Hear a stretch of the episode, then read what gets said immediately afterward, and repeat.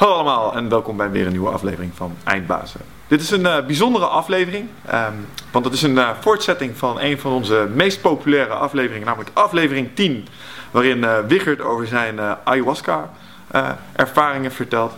Um, en het is ook een podcast die opgedragen is aan jullie, onze kijkers en onze luisteraars. Um, Wichert is net terug van een van zijn uh, ayahuasca-sessies.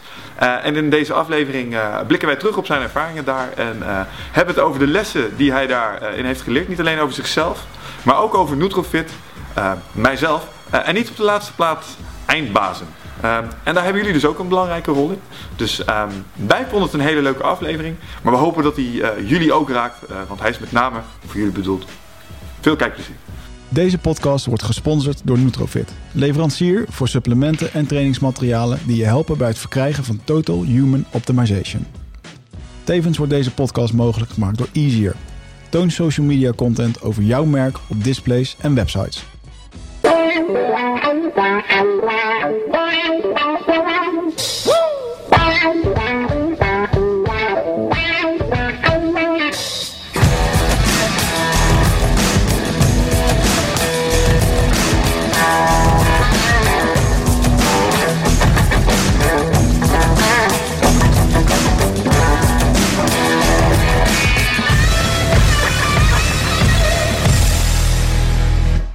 Mooi. Oké, nou, een nieuwe aflevering van uh, Eindbazen. En uh, deze aflevering die, uh, is speciaal, zeker voor mij, omdat ik, of eigenlijk voor jullie, deze ehm, aflevering is eigenlijk ja, wel op te dragen aan de luisteraars, denk ik. Um, ik ben eigenlijk net terug uit een nieuwe ayahuasca-sessie. vorige keer was daar volgens mij een weekje of wat overheen gegaan. En nu uh, één dag eigenlijk. Dus ik zit er nog uh, vers in. Ik heb twee dagen weer uh, een ayahuasca-sessie gedaan. Um, en dan wil ik jullie vandaag weer even meenemen over hoe dat het is gegaan. En ja, het was toch weer een hele mooie ervaring. Um, over de hele introductie van ayahuasca. Um, ik zou zeggen, kijk aflevering 10 als je nu nieuw inhaakt. want daar wordt het ronduit in, in uitgelegd. Um, omdat we er al 2,5 uur over hebben gepraat. En uh, voor, de, voor, een kleine introductie, ayahuasca is een, een uh, Zuid-Amerikaans middel... wat eigenlijk in het shamanisme daar gebruikt wordt voor spirituele zelfontwikkeling. Oftewel twee planten die met elkaar gemengd worden. Um, en dat, wordt dan, uh, dat drink je dan en dat brengt je in een, in een hogere staat... waarbij je visioenen krijgt, waarbij je wijze lessen krijgt... waarbij je emotionele bagage kan, kan verliezen... En dat uh, ja, is best wel een intens proces. Uh, het wordt wel steeds bekender ook. En uh, ja, goed, ik ben daar. Dat is nu mijn. ik heb er nu 15 sessies op zitten. Um, en de reden waarom we dat delen, die, die zal vandaag ook absoluut wel ja, aan bod komen. En wat ik ook erg mooi vind, is dat ik de mensen om me heen daarop beïnvloed. En net zoals de meneer tegenover mij, Michel, die gaat er binnenkort ook aan geloven. En uh, wanneer is het over een anderhalve maand of zo wat gepland? En ik weet dat, jou, um, uh, dat je vol zit met vragen. Dat, je, uh, dat jouw brein gaat al 300 km per uur. En hier met dit soort onderwerpen 500. Hm. Um, maar ik zou je wel willen vragen om vandaag, zeker omdat ik nog een beetje in het proces zit. en lekker dat verhaal wil vertellen. Om alle vragen die door je hoofd heen schieten. Om die even voor je ja, gewoon te bewaren. En gewoon, ja, weet je, ga eens een keer in de luisterstoel zitten. En Jij komt er over allemaal, over allemaal achter. Dan gaan al die vragen. ik ben zo zenuwachtig, jongen. Ik ga er niet over liegen. Ik vind het, uh, ik vind het eng. Maar mede ingegeven door uh, uh, de sprongen die ik jou mee zie maken... en de enthousiaste verhalen die je erover vertelt... denk ik dat dit echt gunstig voor een mens kan zijn. En nou ja, het is vaak met enge dingen. daar mm. ligt vaak de meeste groei. Dus um, nou, ja, ik ben benieuwd naar wat je deze keer allemaal hebt meegemaakt. Want um, mm, volgens mij is er genoeg Genoeg, inderdaad. Genoeg gezien, meegemaakt. Dus degenen die de vorige eh, podcast hebben geluisterd, die hebben al gehoord dat ik uh, een paar pittige tijden heb gehad met uh, relaties die kapot gingen. Op kantoor geslapen, tien, tien maanden. Uh, bedrijven die niet zo lekker liepen. En ja, daar, daar was het eigenlijk een beetje gebleven bij die aflevering. En eigenlijk wat er daarna is gebeurd, is dat ik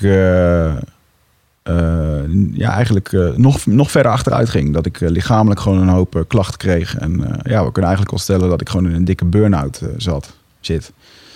Ehm, te veel werken, te veel stress, uh, zorgen maken om niks, paniekaanvallen, spontane jankbuien, noem maar op. Ik heb alles gehad. En um, ik doe gelukkig wat ik leuk vind. En dat is ook wel echt een. Uh, daar mag ik echt in mijn handjes voor wrijven. Maar het is gewoon te veel geweest. Dat, uh, je moet het zo voorstellen. Dat met, bijvoorbeeld met de Nutrifit, een jaar geleden was dat nog 10 minuten klantenservice per dag. Ja, dat is een uur geworden door de groei. En dat betekent dus dat dat gewoon. Dat doe je er dan maar bij. En alles is aan het groeien. En ik heb me daar zelf niet zo goed in gemanaged. En dat, ja, die prijs die heb ik nu wel betaald. En dat in combinatie met alles wat er is gebeurd. Um, dus ik zat daar best wel mee. Ik heb best wel wat, uh, wat stappen moeten maken. Ben minder gaan werken. Uh, maar goed, het blijft natuurlijk toch allemaal onzeker. Want uiteindelijk als ik wegval... Ik heb echt helemaal geen vangnet of wat dan ook. Mm. Ik kan niet lekker vier maanden thuis gaan zitten. En, uh, um, ik denk ook helemaal niet dat ik dat wil trouwens. Weet je, je moet ook lekker in die flow blijven. En, ik denk dat dat ook is wat een boel mensen ervan weerhoudt... om een stap naar zelfstandig ondernemerschap te maken. Mm. Die, die onzekerheid en het feit dat je er helemaal op eigen benen voor staat als het ja. misgaat. Ja, zeker. Dus dat is inderdaad wel een... ja, zo'n... Het is een pittige tijd voor mij geweest. Ik ben wel weer goed aan het terugkomen. En um, ik merkte dat ik op een gegeven moment... Uh, je kan heel veel dingen voor jezelf goed gaan praten. Over wat je zou moeten doen. En uh, je kunt wel wat acties ondernemen. En wat rustiger aan gaan doen. Ik heb er ook aan gedacht om met een psycholoog te gaan praten. Yo, hè, iemand die hier ervaring mee heeft. Want ik zit het om voor mezelf te bedenken wat ik moet doen. Maar uiteindelijk uh, zou zo iemand dat natuurlijk ook wel gewoon goed kunnen vertellen.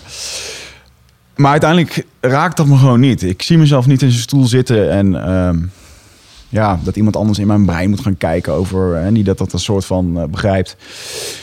Dus ik vond het uh, eigenlijk wel weer eens een keer tijd voor een, uh, voor een goede ayahuasca-sessie. En vorig jaar heb ik een sessie gedaan met, met een van deze shamanen die nu weer naar Nederland kwam. En dat is een jonge Romano Vinicius. Um, waar ik een hele goede klik mee heb. Onder andere omdat hij vroeger zelf jiu-jitsu heeft getraind, mijn grote passie. waarbij hij in Sao Paulo ja, ook dat trainen. Daar had een goede klik over. En ik, mm. Ja, dat was tof. Um, hij kwam naar Nederland en ik dacht van, weet je, ik, ik heb lang zitten twijfelen of dat ik het zou doen, omdat het zo heftig is. Zou ik het lichamelijk aankunnen of niet? En ik dacht, weet je, fuck it, ik ga het gewoon proberen.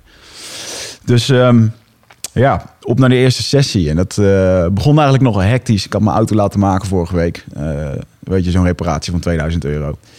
Vervolgens kwam ik thuis en... Um, dat was de dag ervoor. En toen kwam ik thuis. En toen zet ik mijn auto uit. En ik zag een heel licht rookpluimpje uit mijn motorkap komen. Ik denk, kut. Ik denk, nou weet je, dat zal gewoon een beetje water zijn. Fuck het, laat maar zitten. Uh, Rook onder je motorkap vandaan, nee, zal wel goed komen. Nee, alsof, je, alsof je een, uh, een lucifer uitblaast. Dat mm. weet je ook. En uh, de volgende dag, nou goed, ik natuurlijk daar naartoe. Vrijdag, vrijdagmiddag. Dus ik uh, rijden en ik moest nog even één boodschap doen. En terwijl ik uh, die boodschap deed en ik reed 300 meter, begon het weer te roken. Ik denk, uh oh kut, dacht ik. en um, ja, ik ging uh, dus maar snel eventjes weer naar de garage toe. En toen kwam ik erachter dat de dop van mijn koelvloeistofbak, die, er was een dingetje afgebroken. En dat, dat zat niet meer goed. Oftewel, die dop die was gewoon niet meer oké. Okay. Dus ik moest um, ja, eerst een dop zien te scoren in Amsterdam bij uh, uh, nog vijf verschillende autozaken afgebeld die dat dan hadden. Nou, uiteindelijk had ik dan zo'n ding. Moest ik over de ring van Zuid, allemaal in de file met een uh, auto die eigenlijk, ik, had weer, ik had hem weer bij laten vullen met koelvloeistof. En eigenlijk een soort rijdende tijdbom van hoe lang kan ik hier weer rijden? Ging ik daarheen, die fucking dop gekocht. En uiteindelijk, nou ja, ik kon dus op mijn weg naar het ja, naar de, de, plek waar ik de ayahuasca heb gedaan, waar ik straks nog even op, op terug zal komen. En um, goed, eenmaal daar aangekomen, uh, toch wel uh, redelijk gestrest en zo. En ik, uh, ik had er toch wel, ja, ik had ook wel, ik was ook wel zenuwachtig voor. Want ik wist gewoon dat ik niet zo goed voor mezelf had gezorgd. En dat is iets wat je gewoon op je bordje terugkrijgt op het moment als je zo'n ayahuasca sessie ingaat. En als je zegt, ik heb niet zo goed voor mezelf gezorgd, dan bedoelde jij met name? Ja, gewoon, je, weet je, waarom heb je die burn-out? Gewoon omdat je ik merkte op een gegeven moment dat ik gewoon... En de kantoortijd is natuurlijk niet handig geweest dat ik daar heb geslapen. Ik merkte op een gegeven moment dat ik gewoon zo hard aan het trainen was... dat ik mezelf eigenlijk gewoon kapot heb getraind. Hè, omdat je natuurlijk al helemaal verzwakt was. Slecht eten. En dat heb ik de laatste tijd allemaal wel weer opgepakt. Alleen ja, iets wat je enkele maanden niet goed hebt gedaan... maak je niet goed met een paar weken weer, weer netjes je, je bordje leeg eten. En, uh, Dus um, ja, eigenlijk begon de sessie weer. En uh, dit was met een, uh, wederom met een Braziliaanse uh, Indianen stam die dat dan doet, de Honey Queen. En uh, ik denk dat er een mannetje of 35 in de, in de zaal zat.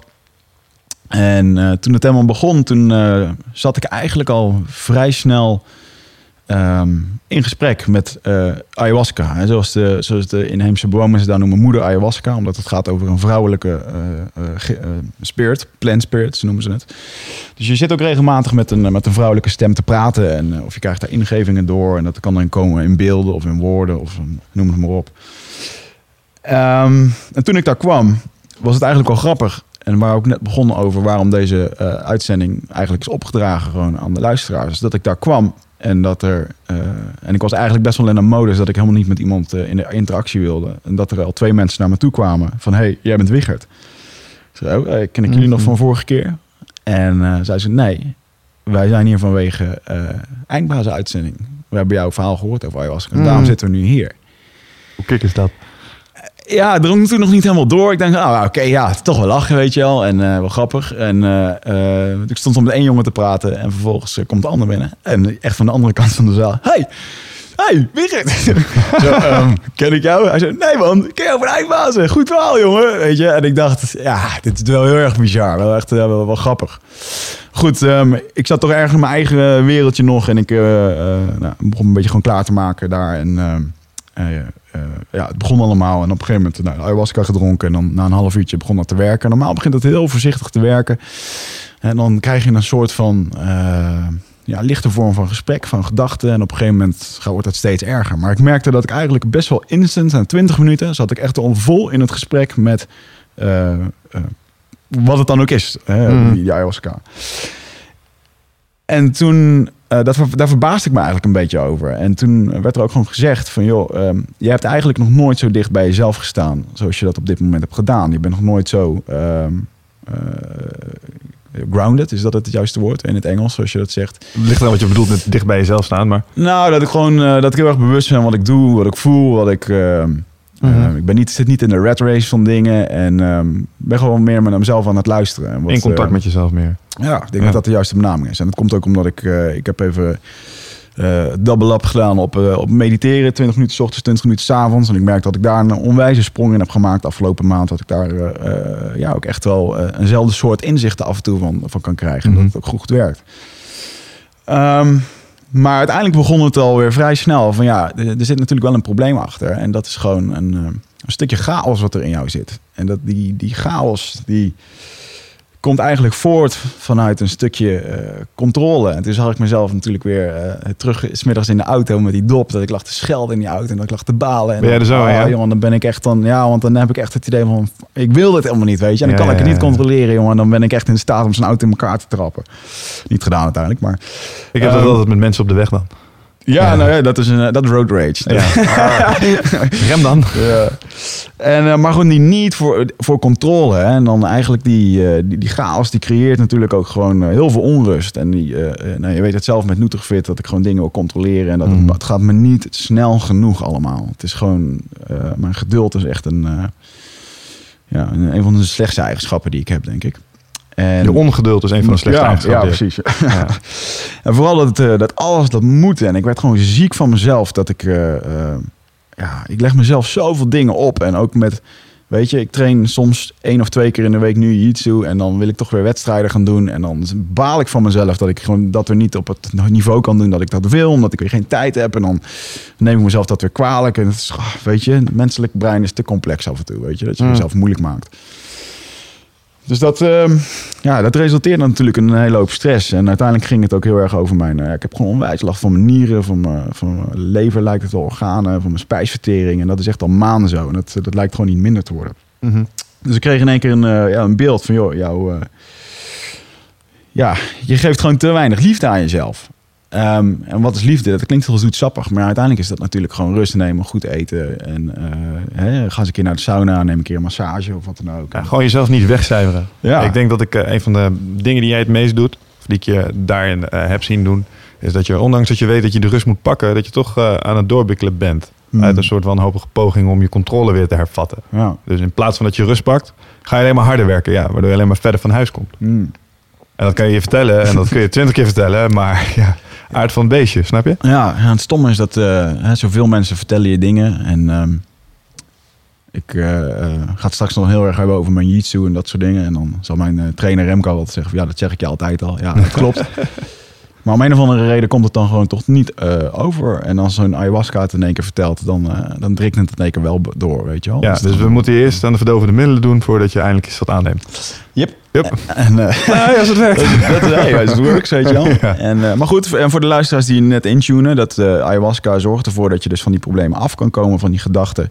En dat gaat door middel van overgeven.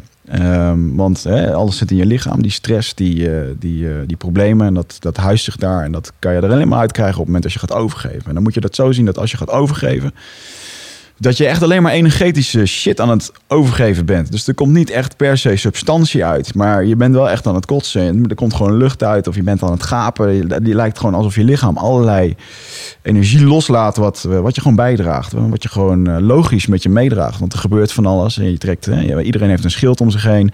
Uh, je wordt een keer beledigd, je wordt een keer bedrogen, wat dan ook. En dat, dat neem je gewoon allemaal met je mee. Wordt je dat ook verteld?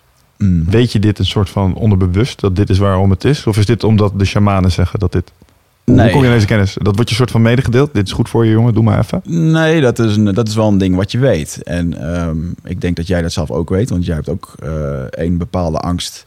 Uh, die jij uh, misschien wellicht komt, die, mm. die je tegen te komen ja, in sessie. Weet je, en dan... Um, bedoel, het overlijden van jouw moeder heeft een grote rol gespeeld in jouw, jouw leven. Mm. Um, en wat luisteraars dus niet weten is, ik weet niet of ik, mag ik daar open over zijn of niet? Nee, wel. Ik bedoel, uh, je bent altijd gesloten over, maar ik, uh, jouw moeder was alcoholist. En mm. het feit dat jij je moeder een keertje gewoon uit eigen kots hebt kunnen oprapen omdat ze te dronken was. hey, dat zijn dingen die, die zijn je bijgebleven, weet je wel. En die zitten gewoon diep, diep erin. Ja, dat klopt. En vervolgens komt zo iemand te overlijden. En uh, jezus man, je hebt niet eens echt een ja, wat is het afscheid daarvan geweest, weet je wel? Wat is het, uh, de vragen die je nog had, dingen die je anders had willen doen. En dat zijn uh, ja, de dingen die, die slijten met de jaren, maar die nemen wel mee. Mm -hmm. En um, ja, dan is een ayahuasca een goede eye-opener over um, bijvoorbeeld uh, hoe had je daar beter mee om kunnen gaan? Of waarom zit het je dwars? Of en, en waarom zou je het nu gewoon wel los kunnen laten? Dat je mm -hmm. beter in perspectief kan. want misschien zit er ook nog een hele hoop boosheid om.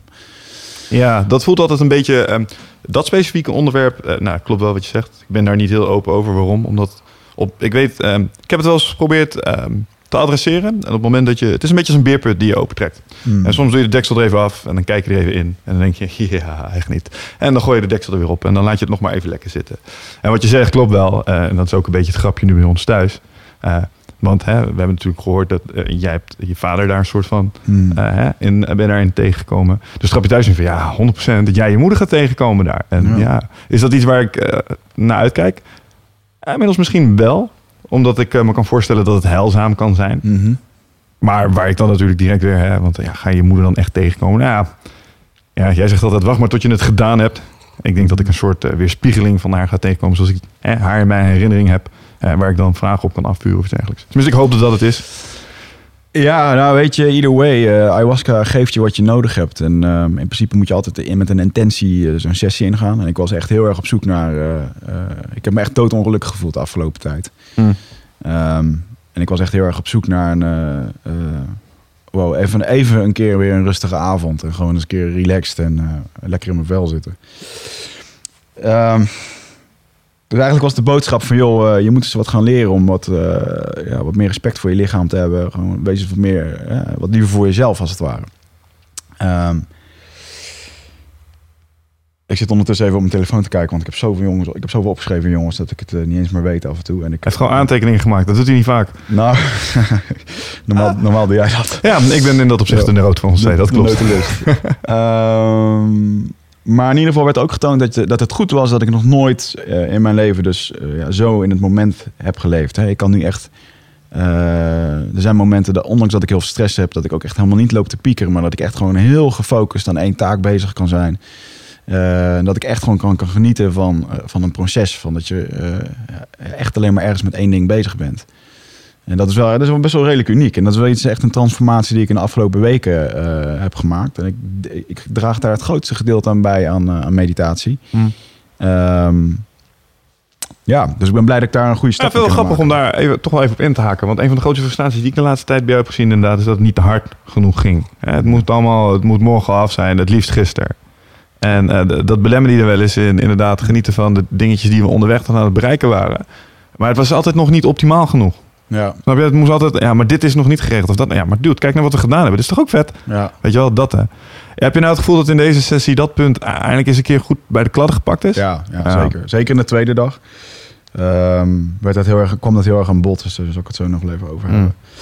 Maar het was in ieder geval heel erg goed. Er werd ook gewoon gezegd van, joh, we kunnen nu gewoon gelijk heel erg goed de diepte ingaan, omdat je gewoon redelijk eh, ego-vrij bent, weet je. En dat heb ik natuurlijk in die afgelopen sessies ook al wat eruit gegooid. En mensen kunnen daar mening over hebben of niet. Maar goed, dat, zo werd het gewoon verteld.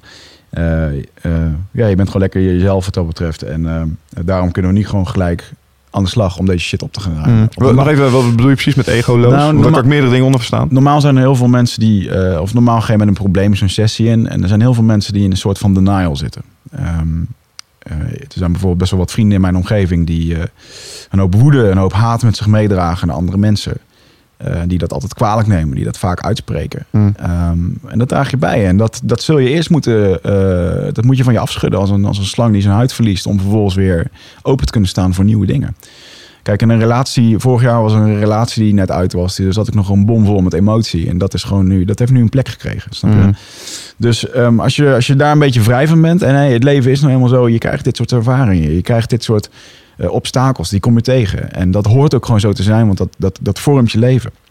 Ehm, maar dat zorgt er wel voor dat je eigenlijk iedere keer... Iedere keer is er wel weer wat. Het houdt niet op. En ik had bijvoorbeeld in de tweede dag eh, eh, eh, wat visioenen over, over de dood. En over vrienden van mij die, eh, waarvan ik meegemaakt dat ze doodgaan. Mhm. Eh, mijn eigen broer, eh, mijn kat. Nee, Ja. Van dat soort dingen. Nou, als je het nou gewoon- over een thema hebt waar ik het meest tegen op zou kijken, misschien nog wel meer als eh, past trauma's in dat opzicht, dan is het dat. Hmm. Dat thema. Dat is... Ja, dat, thema, dat thema is mooi aan bod gekomen. Dus dat, Hoe- en hoe manifesteerde zich dat? dat ga ik je straks vertellen. Ehm, eh, uiteindelijk ehm, werd ik een beetje getoond. eh, ehm, het, het, het, het samurai gebeuren is altijd iets wat terugkomt. Dat heb ik ook in die vorige podcast verteld. Dat, waarschijnlijk omdat het heel resoneert in mijn, eh, mijn jiu-jitsu en mijn, eh, mijn interesses. En altijd komen er samurai dingen in terug. En daar wordt altijd naar gere- gerefereerd van... joh, eh, hè, als je kijkt naar een, een, een samurai-leider... of iemand, iemand die, die vol volgens die gedachten leest... dat is eigenlijk wat ik na probeer te streven. Ehm, alleen je bent nu gewoon eigenlijk de samurai... die continu zijn zwaard aan het slijpen is... en alleen maar aan het strijd is... maar niet die master die in één keer een, gewoon een, eh, eh, ja, een stukje rust kan creëren... die een stukje reflectie heeft en een stukje... ehm, daarboven kan staan. Hè? Die dat overzicht kan hebben over wat je nou eigenlijk aan het doen bent. En eh, dat, dat gaf me een heel duidelijk beeld van... Joh, je bent echt nog een leerling, weet je wel. Je, bent, Mhm. je denkt vaak dat je het bent en dat je het weet. Maar ja, nowhere from that. Je bent gewoon eh, een jonge hond die daar nog... eh, Ja, je kan redelijk knokken, maar je bent er nog lang niet. ja, en dat is eh, hè, eh, alleen je, je battle skills zijn niet genoeg om ook no- normaal te kunnen functioneren in, eh, in, in dat leven. Mm. En toen werd er ook gewoon gezegd, en dat vond ik een heel interessant concept, van joh, eh, jij hebt gekozen voor het goede leven. En dat, de, ehm, maar waar, om een of andere reden geniet je er niet van. En toen dacht ik van, jij hebt gekozen, maar kiezen wij dan hiervoor? Dat zou een hele grappige gedachte zijn, dat je straks een keer komt overlijden en dat er gewoon een, een kaartenbak ligt met je, oké, wat ga je nu in dit volgende leven Oh, zo bedoel je. Voordat je dit begon, kon je Ja. kiezen en oh ja. En ehm, weet je, daar werd ook gewoon in gezegd van, joh, dit komt gewoon goed. En ehm, het werd ook gewoon mooi beschreven dat jij en ik als... eh, jij hebt je eigen strijd. Het gedoe met je moeder. De Mm. dingen met Nutrifit. Andere de zaken die er lopen. Ja, oh, jij bent je eigen dingen aan het opstarten. Ehm, en er werd daar gewoon in verteld van... joh, eh, het is gewoon mooi om te zien en geniet van het proces... dat jij en Michel bij elkaar komen. Bijvoorbeeld in die podcast... waarbij je als een stel samurais die terugkomen van hun eigen slagveld... en je deelt elkaars verhalen en je laat elkaars littekens zien... Ehm, en dit zijn onze ervaringen, dit is wat we doen, dit hebben we geleerd. En eh, we, we, we waarderen onze vriendschap en nu gaan we gewoon verder aan nieuwe dingen bouwen. Ehm, probeer eens in dat moment te leven. En dat was gewoon Mhm. fucking cool, weet je. Dat je, eh, ehm, het geeft ook gewoon zoveel energie om te zien waar je mee bezig bent. Met je nieuwe project, met jouw... eh, mag ik erover hebben? Of Ja, natuurlijk. Geen probleem. Eh, Michel is bezig met, je bent al een tijdje bezig met coaching en je Mm. hebt jouw nieuwe programma 12 Waves. En 12 Waves zou eigenlijk, nou je mag het eigenlijk zelf uitleggen. Wat is het? Wat is het? Ja, nou, de, de- gewoon omdat het bij... um, nou goed, dankjewel, sowieso. Ehm, om het bij het ayahuasca te houden, even kort. Mijn idee is om een soort intervisiegroep te starten... waarbij we ehm, met elkaar twaalf maanden lang eh, proberen iets te gaan te bewerkstelligen. Nou, zulke dingen zijn er natuurlijk al. Ehm, maar ik ben een ICT'er van origine. Diep in mijn hart ben ik gewoon een uh, grote computernerd. En een van de dingen die we daar hebben geleerd is dat je ehm, complexe zeg maar, eindresultaten kun je niet in één keer uitspecificeren. hetzelfde geldt eigenlijk, denk ik, ook een beetje voor persoonlijke ontwikkeling. Hmm. Um, een heleboel uh, workshops en trainingen waar je zelf ook aan uh, deelgenomen hebt. En we zelf allemaal een beetje aan gesnuft hebben. Mijn grootste frustratie zijn we altijd bij dat het is fantastisch om al je ambities uit je hoofd te krijgen en daar een mooi plan van te maken. Alleen het strand vaak een beetje in de weerbarstige praktijk. En het voorbeeld dat ik dan wel eens gebruik, dan heb jij heel mooi opgesteld. Hier wil ik over vijf jaar zijn. En dan ga ik over twee jaar daar zijn, over één jaar daar. En dan kom je maandags op kantoor. En dan loopt die e-mailbox vol. Dan zit je mm. baas aan je kop te drammen. En dan heb je de eerste zurende klant alweer aan de telefoon. En dan gaan die ambities. En um, nou ja, als personal trainer heb ik geleerd dat het heel erg kan helpen als iemand jou achter de broek aan zit. Zoals wij het afgelopen jaar ook met elkaar hebben gewerkt natuurlijk. Hè. We hebben natuurlijk gewenste uitkomsten naar elkaar uitgesproken. En dan zijn we elkaar over gaan stalken. Joh. Mm, hey, jij vaak genoeg, Michel, heb je dit al geregeld? Ah ja, shit. Ja, je had gezegd dat het belangrijk was. Hè? Ga maar eens doen. Mm-hmm. Weet je wel, zelfs het op het niveau van... Hey, dude, je hebt de ambitie om uh, zelfstandig te worden. En wat doe je nu? Nu ga je solliciteren op andere functie. Weer lekker veilig. Ga niet gebeuren, vriend. Ja, Weet je wel, ja, dat heb je letterlijk gezegd. En um, dan, dan realiseer je... Ja, je hebt gewoon zulke mensen om je heen nodig. Nou, ja. Wat is het idee? Uh, ik ga een groepje mensen bij elkaar gooien die volgens een bepaald protocol, een beetje gebaseerd op Scrum, dus in iteraties, uh, wel hun doelen gaan uh, opstellen in een roadmap, maar we gaan elkaar eraan houden. En het is de bedoeling dat we in die twaalf maanden een soort programma doorlopen waar ook ja, kennis, skills en allerlei leuke inspirerende praatjes worden gehouden. En als het aan mij ligt, gaan we een aantal van de oud-eindbazen oud eindbazen die we hier hebben gehad, die gaan we daar ook gewoon voor inzetten. Zeker. Um, ja, dat is iets, eh, daar ben ik nu, eh, dat is een idee dat, eh, het heeft bijna twee jaar geduurd. Het moest rijpen, maar ja, dat is iets dat heb ik ook uit deze podcast dan weer geleerd. Kijk, hmm. meneer Klaassen noemde zichzelf een uh, multiguru kenniskliko. En dat is altijd eigenlijk een beetje het grootste bezwaar dat ik heb gehad bij dit soort concepten zelf verzinnen. Ja, je, je had eigenlijk alles links en rechts bij elkaar en je probeert er daar weer iets best van te maken. Ja. Maar ja, dat is misschien wel een beetje wat MMA ons geleerd heeft. Uh, ehm, MMA doet eigenlijk hetzelfde, maar dan met vechtsporten. Het, het, verzamelt wat werkt en het laat de rest gewoon lekker weg. Want daar heb je geen reet aan. Nou, en dit is eigenlijk een beetje wat 12 ways moet worden. Ja, en golven, eh, omdat ik eh, heel erg geloof in uh, de flow mind state. En dat als jij maar iteratief werkt, dat je een soort eigen ja, wave en momentum voor jezelf kunt genereren. En als je dat met een groepje van nou ja, 10 of 12 man doet, dan wordt het alleen maar sterker. Ja. En dat is iets dat geeft heel veel energie. En ik heb er veel met je over gehad. En ik vond het echt heel grappig dat het ook in je sessie aan bod kwam. Ja, omdat het, uh, we hebben het onlangs besproken en het, eh, het raakte, me, uh, raakte me gewoon goed. vond het echt goed uitzien. En ik heb natuurlijk heel veel van dat soort programma's gedaan. Weet je, ik zit bij Lewis House, een Amerikaan, en dik geld voor betaald om in een marketingprogramma te komen. Hmm. ik gecoacht door Michael. En ehm, weet je, het zijn allemaal toffe dingen. Het draagt allemaal bij. En wat, uh, wat Remco Klaas hier ook zei: van joh, er is niet één cursus, er is niet één verhaal. En, je moet daar, en jij bent ook niet. Uh, kijk, het is aan iemand, als iemand straks een jaar dat 12 race programma doet, dan heeft dat een, voor een jaar uh, heel veel kunnen geven. Maar dan zal hij mhm. misschien daarna zelf ook een volgende stap moeten Nou ja, je weet, we hebben het erover gehad. We zijn sowieso bijzonder, ja, misschien zelfs wel directief in hoe we het willen doen. En, en ook wel, ja, misschien een klein beetje selectief in het type mens. Ja. Dat we erin willen hebben. Je moet wel een bepaalde mentaliteit hebben, wil je dit doen? Want ja, makkelijk zal het niet zijn. Maar goed, weet je, dat was in ieder geval tof. En dat werd, ik krijg er energie van, weet je. En ook van onze samenwerking. en gewoon uh, uh, de vriendschap die we gewoon, dit, die dit jaar gewoon absoluut geaccelereerd is, weet je wel. Mm. je elkaar op alle fronten leert helpen en leert kennen. En hey, in de shit tijd die ik afgelopen tijd heb gehad, waarin superveel hebt overgepakt. En dan ben ik blij dat ik met een of andere organisatie guru aan de slag ben. Want anders dan mm. ship was thinking, weet je wel. Yep.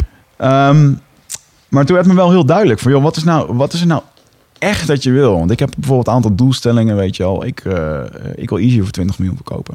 Snap ik. En dat is niet omdat ik um, uh, belust ben op geld of dat ik helemaal rijk word. Want mijn grotere plan uh, is dat ik dat geld terug ga steken in, uh, in natuur, wildlife conservation, shit, weet je wel. En natuurlijk wil ik zelf ook een goed leven hebben. Aapjes redden, toch?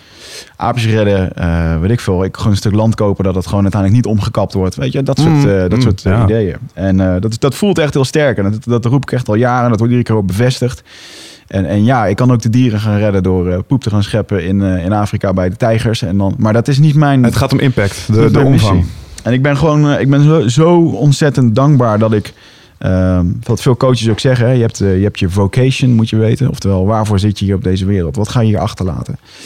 En om die vocation te kunnen uitdragen, heb je een bepaalde mastery nodig. En wat is die mastery? Dat is gewoon jouw, craft. Gewoon hetgeen waar jij uniek in bent. Wat kan jij goed? Wat is het ding waar je in uit bent? Nou, bij mij is dat uh, denk ik dat ik eh, ontzettend creatief ben. Dat ik een stukje commercie eh, en creativiteit goed aan elkaar kan, kan binden. En dat ik gewoon onwijs goed ben in het creëren van dingen. Mhm.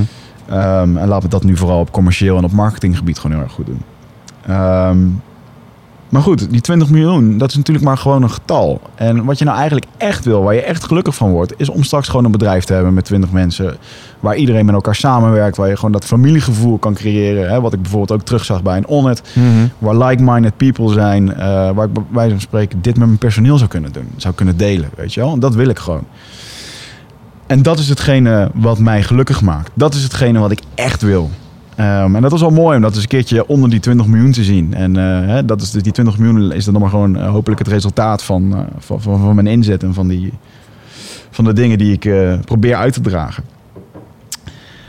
Ehm, dat werd een beetje gevolgd door een onwijze dankbaarheid voor ehm, ja, wederom mijn relatie die ik heb met, met, met Aubrey Marcus, de eigenaar van Onnet, die eh, vorige keer ook al een grote rol daarin speelde. Maar ja, die heeft ook gewoon een van de grootste rollen gespeeld in mijn leven. In mijn, dat is de reden waarom we Nutrofit hebben. Eh, dat is de reden waarom ik überhaupt in een podcast, eh, naar een podcast luisterde. En dat was echt een heel mooi iets dat ik drie jaar geleden naar zijn podcast, of vier jaar geleden alweer, eh, naar zijn podcast luisterde. En dat ik zo onder de indruk was van dit onderwerp. En dat ik in één keer dacht van wow. En dat podcasten vond ik tof. En noem het maar op. Ehm, de impact die het heeft gehad, dat ik vervolgens eh on het met een cowboy verhaal hier naartoe heb gehaald. eh, terwijl we helemaal geen achtergrond hadden in supplement of wat dan ook. Ehm, vervolgens zijn we eh, dat gaan starten. En ja, weet je, dat er nu gewoon een, een bedrijf is waar honderdduizenden euro's doorheen vliegen. meerdere bedrijven waar productie gestart is van eigen producten. Ehm, en ik had altijd zoiets van, wat fuck man, wat die, wat die Aubrey doet, dat wil ik ook. En in één keer kwam het, drong het tot me door dat ik, hè, ben ik natuurlijk ook bij zijn huis geweest. Dat was al een hele rare situatie, dat ik gewoon met hem gewoon een gezellige avond had. Dat ik in één keer daar stond en ik dacht van, dude, drie jaar geleden zat je naar die podcast te luisteren en nu sta je hier in het huis. Dit is echt surreal. En nu had ik weer eenzelfde moment van, je luisterde naar die podcast, je vond dat mooi wat hij deed, je wilde een beetje dezelfde dingen gaan doen. Vervolgens zijn we zelf eindbazen begonnen. Mhm. En in één keer word ik hier aangesproken door twee gasten waarvan ze zeggen van hé, hey, door jou zitten we hier. En ja, weet je, toen was in één keer de cirkel weer rond, weet je. Ook door een podcast daar gekomen en weet je, ik, kan er nu nog een soort van emotioneel van worden, want dat had ik daar ook, maar ik had er gewoon echt een onwijze waardering voor dat, ehm, weet je, dat er gewoon twee mensen wakker worden en waar hun leven gewoon echt niet meer hetzelfde zal zijn. Ja, maar luister, kijk naar de mailtjes die we krijgen. Laatst kregen we een leuke mail van een dude, die was enthousiast en die wilde ook gaan podcasten. Hm. En hoe, waarom? Omdat hij naar deze dingen luisterde. Dus blijkbaar, omdat wij hier zo af en toe ons, enthousiaste ding zitten te doen, worden mensen geraakt en gaan ze aan de slag en gaan ze zelf dingen ondernemen. Nou, dat is volgens mij precies wat de bedoeling was toen we hiermee begonnen. Ja, nou, zeker. En dat het dan zo'n impact heeft, dat is natuurlijk super tof. En eh, ehm, eh, wat ook heel goed is, dat een ayahuasca dan mooi doet. Want je krijgt dan meteen een compliment. En ehm, het is best wel een rare gewaarwording. Dat ze, want we hebben nu best wel wat, ehm, eh, wat geluid opgenomen. Hè? Ongeveer 40 uur. Dus mensen zullen mij best wel wat kennen. Ik denk dat ik een hele hoop mensen, eh, die ik ook hoor van zeggen... joh, weer ik leer je beter kennen door die Mhm. podcast. Je moet begrijpen dat als luisteraar zijn... en dat het best wel, eh, voor de luisteraars, dat het best wel lastig is voor mij... om eh, als mensen naar me toe komen en die beginnen over die podcast... die hebben al die informatie, die zijn er enthousiast over, die komen naar mij toe en ik ken die persoon niet. En als die persoon dan naar mij toe komt en die begint meteen vol met 200% enthousiasme, want die wil die, die, die, die, die het overbrengen, die wil dat enthousiasme laten zien en die indruk maken, dan is dat best wel overweldigend en raar. Ja, Eh, dude, nou moet je niet gaan piepen. Nou heb je fans. Nee, nee, moet je maar- van genieten ook. en dat, ja, nee, maar dat, dat, en dat was wel een goeie. Dat, dat, eh, dat werd dan ook meteen een soort van... eh, joh, eh, dat die mensen die, die staan daar en die bedank je. eh, maar laat je dat vooral niet op een podium zetten. Weet je? Want, ja, dat is waar. Dat is waar. En dat vond ik een... ehm, ehm, dat vond ik ook een hele eh, humble experience, als het ware. Dat, we krijgen best wel wat, wat, wat mailtjes, ook van, eh, van mensen die zeggen van... joh, eh, ja, we kijken naar jullie op of wat dan ook. En er werd ook in één keer getoond van... joh, je moet oppassen met het opkijken naar iemand. Want er is een verschil tussen opkijken naar iemand... het observeren wat hij doet, het respecteren en het waarderen... Mhm. en het dan los te laten. En gewoon die, die beste dingen eruit te pakken. Of iemand op een voetstuk te plaatsen en te, dat ook willen. Want als jij, als ik Aubrey Marcus had willen zijn en alles nastreven, dan was ik doodongelukkig geworden. Want ik kan dat niet. Ik, ik zit niet in zijn wereld. Ik heb niet zijn dingen. Mhm. En dan is het heel erg masochistisch om zo te gaan denken. Om op die manier iemand na te gaan streven. Nou ja, je legt je lat op een bepaalde hoogte. En, en dat is misschien Ja. ook wel hè, waarom, ehm, we hadden het er straks over. Kijk, als, als die lat je uitgangspunt is Mhm. en je probeert dat te behalen, dan doe je het nooit goed genoeg. Ja, en dat is een gevaar, weet je. En daar is echt het ding, eh, love yourself, weet je. Je moet echt... Ja, je moet daar gewoon... ehm, Je moet blij zijn met de dingen die Ja. je... Ja, tel wat je hebt, niet wat je mist eigenlijk. Maar in ieder geval, het was wel tof dat ik op een gegeven moment echt gewoon alle waardering van alle fans als het ware voelde. En dan eh, die waardering en elke like en elk commentaar en elk ding. Gewoon, het is gewoon zo ontzettend vervulling. Want wat mensen niet in de gaten hebben, is dat wij, we hebben het laatst keer uitgerekend, wij zijn 16 uur per aflevering bezig. Met heen en weer rijden, gasten uitnodigen, bewerken, voorbereiden. Want eh, het feit dat we goed voorbereid zijn, betekent gewoon dat we complete mindmaps hebben over wat we over een gast weten. En de helft wordt niet eens besproken met die gasten. Weet je? En het heen en weer rijden en het, en het, eh, natuurlijk het vermarkten eromheen. En, de meeste luisteraars die, die, die, die, die, ja, die zien ons twee uur lullen. We krijgen wel eens mailtjes van, eh, van mensen die dit ook willen doen. En die denken dat je er met een microfoon bent. Nou, dan kom je bedrogen uit. Het is gewoon hard werken, weet je wel. Ja, maar dat gezegd hebbende, dat moet ze er niet van weerhouden om het gewoon, gewoon te gaan doen. Nee, nee, nee. hey, Hey, want- en ook daar weer moet je nagaan, hè? het kan wel met die microfoon. Het kan met een iPhone. Je kunt het met een iPhone in een auto als je het wil. Klopt. Alleen dat wij weer hebben bedacht dat het weer fancy smancy moest, dat zit meer in ons. Ja, oké. Ben, ik, ben, ik, ben ik met je eens inderdaad. Maar het is wel een... ehm, ehm, het is niet alleen maar twee uur lullen. En eh, die twee uur lullen is ook... Na zo'n podcast zijn we alle twee gewoon Ja, ja, het is, Dat ja best dat vind ik altijd opmerkt, ja. Maar in ieder geval, ehm, ehm, wat er voorop stond in deze sessie was dat mijn lichaam eens eventjes ehm, aangepakt moest gaan worden. Eh, want er was een hoop mee mis. En op een gegeven moment eh, begon men uh, te serveren. En Rappé is een, eh, dat wordt met een blaaspijpje in je neus geblazen. Het is eigenlijk gewoon een soort as van verschillende planten, wat ook helemaal ritueel bewerkt is. En dat, ja, dat doet zo'n shamaan, die, die blaast dat dan vervolgens in je, in je neus. Dan moet je een diepe ademhalen hou je neus hou je dicht en je adem hou je in. Dan blazen ze dat in je neus. En op het moment dat hij dat erin heeft geblazen, dan adem je het in. En de ene keer is het alsof je bloemetjes inademt en alsof het de, de lente in je neus komt. En de andere keer is het alsof je een fucking asbak in je bek krijgt die alles eruit, waardoor je instant een uur loopt kotsen. Wijze zeg maar dat je deze keer in de laatste categorie zat. Ehm, nou, dit was een. ehm, wat ze dus doen, is dat ze, ze doen en zij werken met eh, de, de kracht van bepaalde dieren. En ehm, zij werken bijvoorbeeld met de kracht van de kolibrie. Dus dat- dan blaas je dat heel kort erin. Dus ook echt zo. En dan werken ze met de kracht van de kolibrie. En die kolibrie die is heel erg. eh, dat, dat, dat moet je zien als dat ding dat fladdert. En dat gaat eh, door je brein en doet heel veel in het, in het hoofd. Je hebt ook bijvoorbeeld de slang. En die gaat door heel je lichaam heen. Dus dat is echt gewoon daar weer voor. En je hebt ook nog het hert. Even kwijt wat precies het hert doet. Maar eh, volgens mij, als ik een hert zie springen, dan heb ik al het idee wat het Ja, zo ja, ja. En ehm, eh, ik ging tegen hem over zitten. En soms is het zo vaag. Hè? Dan, dan zit je tegenover zo'n shamaan. En ze zeggen eigenlijk niks. Maar je hoort, je hoort gewoon dat ze met, met je communiceren. Het lijkt alsof ze gewoon in je brein kunnen kijken. En, eh, dus ik ging voor hem zitten. En ik dacht, eh, het enige wat ik in één keer zag was een, eh, was een paarse eh kolibrie. En hij blaast het erin. En eh, ik moet je voorstellen, dan doet hij dus eerst de linkerkant van mijn gezicht. Hij blies het erin. En alsof er, ik zag gewoon mijn eigen schedel, inclusief hersenen. En met een, eh, eh, in één keer een visioen van een paarse kolibrie. Die helemaal licht gaf. Die helemaal door mijn brein heen fladderde. En echt gewoon mijn linker eh, helft van mijn gezicht stond gewoon in brand. Van mijn ooghoeken tot me. En ik, het enige wat ik voelde was die kolibrie die er doorheen ging. En die gewoon dingen aan het opruimen was. Of dingen aan het resetten was. Of wat. En deed gewoon zo'n, alsof er sambal in mijn ogen werd gesmeerd. Dat was het gevoel. En echt, ah, weet je, gewoon excruciating pain. En nergens in het verhaal denk je, oh shit. Nee, want tegelijkertijd dat je die pijn hebt, voel je ook gewoon dat het goed werkt. En dat Ja, het iets ja. is. En vervolgens moest de andere kant. Ik denk, nu komt er iets anders. Nou, was exact hetzelfde effect. Dus ehm, ja, dan ga je terug, dan strompel je terug met die bak naar je plek toe. En eh, eh, iedereen ligt gewoon op zijn eigen plekje.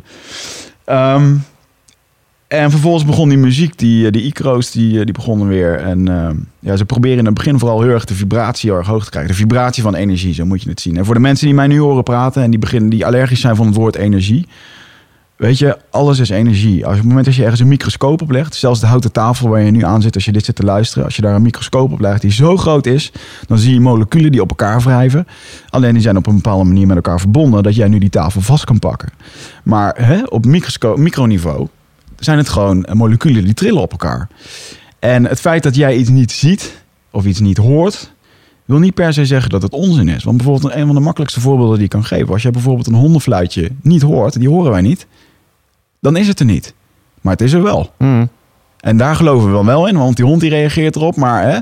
En eh, hetzelfde bij bijvoorbeeld een goed voorbeeld dat ik laatst lag, is dat ze erachter zijn gekomen dat bepaalde roofvogels eh, iets in hun oog hebben, een bepaald soort lens, waardoor ze een bepaald licht kunnen zien, wat wij niet kunnen zien. Mhm. En dat licht, dat zorgt ervoor dat ze het energieveld, het aura rondom eh, dieren zouden kunnen zien. Want dieren zijn goed beschut. Maar op het moment dat die beesten gaan lopen, dan zien zij dus een bepaald wit licht om iemand heen. Waardoor ze... eh, eh, Ik kreeg helemaal de Predator view, Ja, zeg maar. ja. Dat, dat idee kreeg ik ja, erbij. dit zie je het als Ja. een zwart-wit eh, ding Ja, waar in ja, één keer ja. zo'n ja, zo'n cam. En dat, dat hebben bijvoorbeeld adelaars hebben dat. Hm. Dus eh, een adelaar kan licht zien wat wij niet zien. Ja, katten kunnen dat volgens mij ook. Ja. Ja, dat denk ik wel. Als ik af en toe mijn kat naar de muur zie staan. van, eh, wat ben jij nou weer aan het kijken? Dan denk, maar goed, weet je. En ik wilde meer lopen in het donker, maar ja, dit ook. Maar het is meer het, eh, weet je, en het hoeft ook allemaal niet eh, in de hocus pocus modus te komen. Maar goed, ik, ik, ik weet gewoon dat het ja, muziek is. en energie. Hallo, als je wel eens op een dansfeest bent geweest, dan weet je toch dat dat iets met elkaar te maken heeft. Ja, zeker. En dat zeker. En weet je, überhaupt de energie. Dat als je de energie van als je verliefd bent, dat is een energie, weet je wel. Of als je een gelukkig bent, of als er iets moois gebeurt. Dat zijn niet alleen maar je neurotransmitters die heen en weer gaan. Het is alles, gewoon heel de vibe van dingen, weet je wel. Hmm. En dat is gewoon tof om dat, eh, dat mee te maken. En voor de mensen die nu nog steeds denken van ja, goed, weer het lul maar raak, weet je. dan, kan ik, dan kan ik alleen maar observeren, oké jongens, dan zeg ik niks. Ga het alsjeblieft zelf proberen en kom er dan nog een keer terug.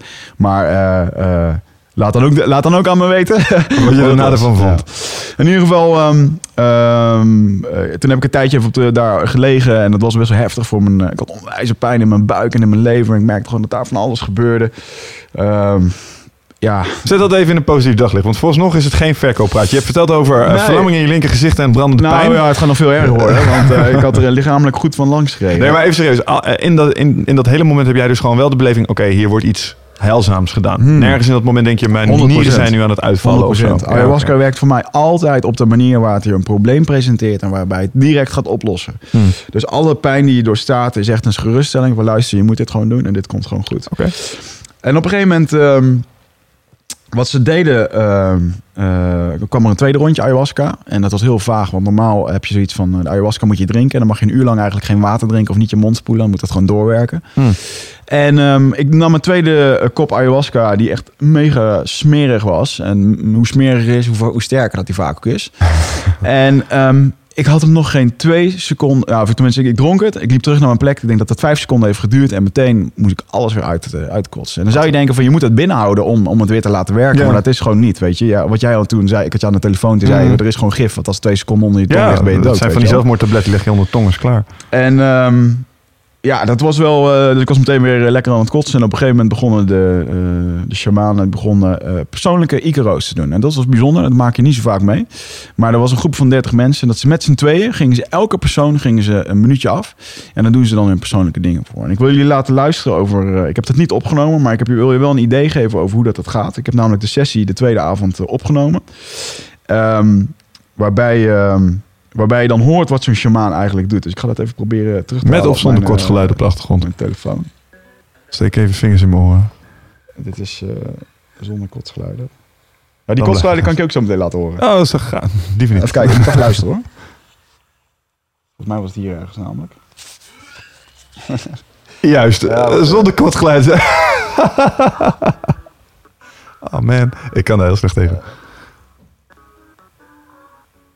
Wacht ik moet even opzoeken waar het... eh, Ja, geen probleem. ik heb het in mijn notities gezet waar ik het eh had 1 minuut eh, 25. gevonden. Ehm.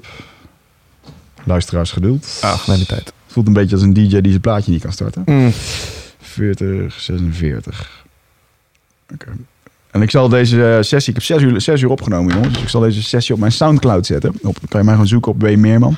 Heb ik een aantal eh, lijstjes en daar eh, kan je dit zo, eh, zal ik proberen op te zetten.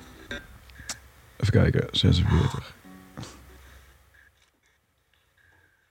En je moet het voorstellen dat zo'n eh shamaan die zit dus met zo'n ratel. Dat zijn eigenlijk bladeren van salie en zo. Zitten ze ja, eigenlijk continu te wapperen en te doen. Ik moet het even. Jij moet even praten, Michel. Ik moet even praten hierover. Nou, terwijl DJ Wigert zijn eh, plaatje aan het selecteren is. nee, kom maar goed, jongen. Kijk hoor. Neem je tijd. Zoek het rustig op. Ik ben wel verbaasd over het feit dat je Ah, je hebt hem. Kijk of dit hem is. Hij begint zo voor maar. Vaak hebben ze gezongen en dan houden ze in één keer een beetje in stilte. En dan eh brengt je dat weer in.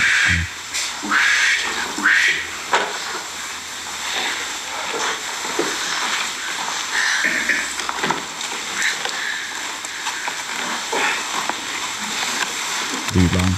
Duurt lang. Boring. Had je hem ook in je broek zitten naar de pleeg ging? Nee, hij zit niet in mijn broek. Je hoort even dat fluiten, dat doen ze even. Is trouwens tussendoor iemand die even moet kotsen?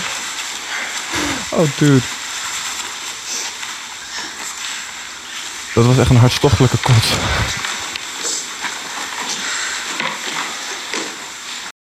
Hey eindbaas luisteraar, dankjewel dat je zit te luisteren naar deze podcast. Ik onderbreek hem eventjes voor een hele belangrijke boodschap. Of misschien liever gezegd een uitnodiging. Want op 24, 25 en 26 mei, dan is er weer een nieuwe editie van Rite of Passage. Dat is mijn retreat voor persoonlijke ontwikkeling. En speciaal voor de mensen die op zoek zijn naar, ja, naar helderheid. Of dat ze lastig bij hun gevoel kunnen komen. Dat ze moeilijke beslissingen moeten maken. En dat ze zo ontzettend in hun hoofd zitten ja, dat ze er eigenlijk gewoon niet meer goed uitkomen. Of dat ze misschien al heel lang in een, ja, een soort van oud gevoel zitten. Dat ze dat gevoel willen transformeren. Of misschien wil je gewoon een oud stuk achter je laten. Ergens een punt achter zetten. En ja, zoek je misschien heling op iets wat, wat je te lang hebt weggeduwd of, of hebt vermeden. Daarvoor wil ik je uitnodigen op 24, 25 en 26 mei om in een retreat mee te doen waar de inhoud van het programma geheim is. Waar de belofte is dat het oncomfortabel wordt. Want jij begrijpt als geen ander dat als je die volgende stap wilt maken, ja, dan zul je uit de comfortzone moeten komen. En ik garandeer je, laat mij dat proces begeleiden met jou voor drie dagen. En je leven zal daarna nooit meer hetzelfde zijn. Gemiddeld beoordelen de deelnemers het met een 9,2. En daar ben ik ontzettend trots op. Er is ook een money back guarantee. Heb je de drie dagen vol, volbracht en vind je het niks, krijg je gewoon je geld terug. Dus het enige risico wat er is, is dat je gelukkiger kan worden. Ik zie je Bride of Passage. Ga naar wichertmeerman.nl en klik op Retreat.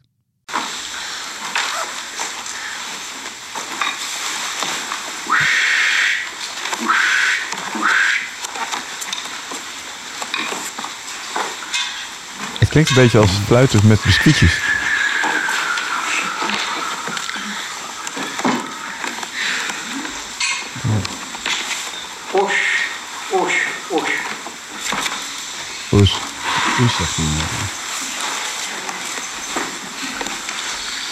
Hey, ik ben even aan het zoeken wanneer hij nou ging lullen.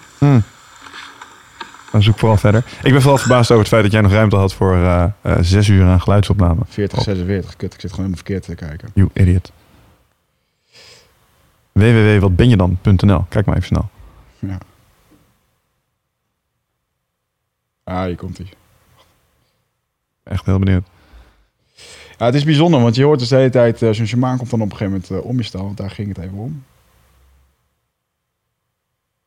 Eh, En als jij zegt om je staan, jij ligt op dat matje. die ligt dan, eh, jij, jij, jij ligt dan lekker op je matje en dan eh, vervolgens komen ze om je heen staan met die ratels en dan eh, gaan ze ja, van om je heen zingen. Dat gaat een beetje zoals dit.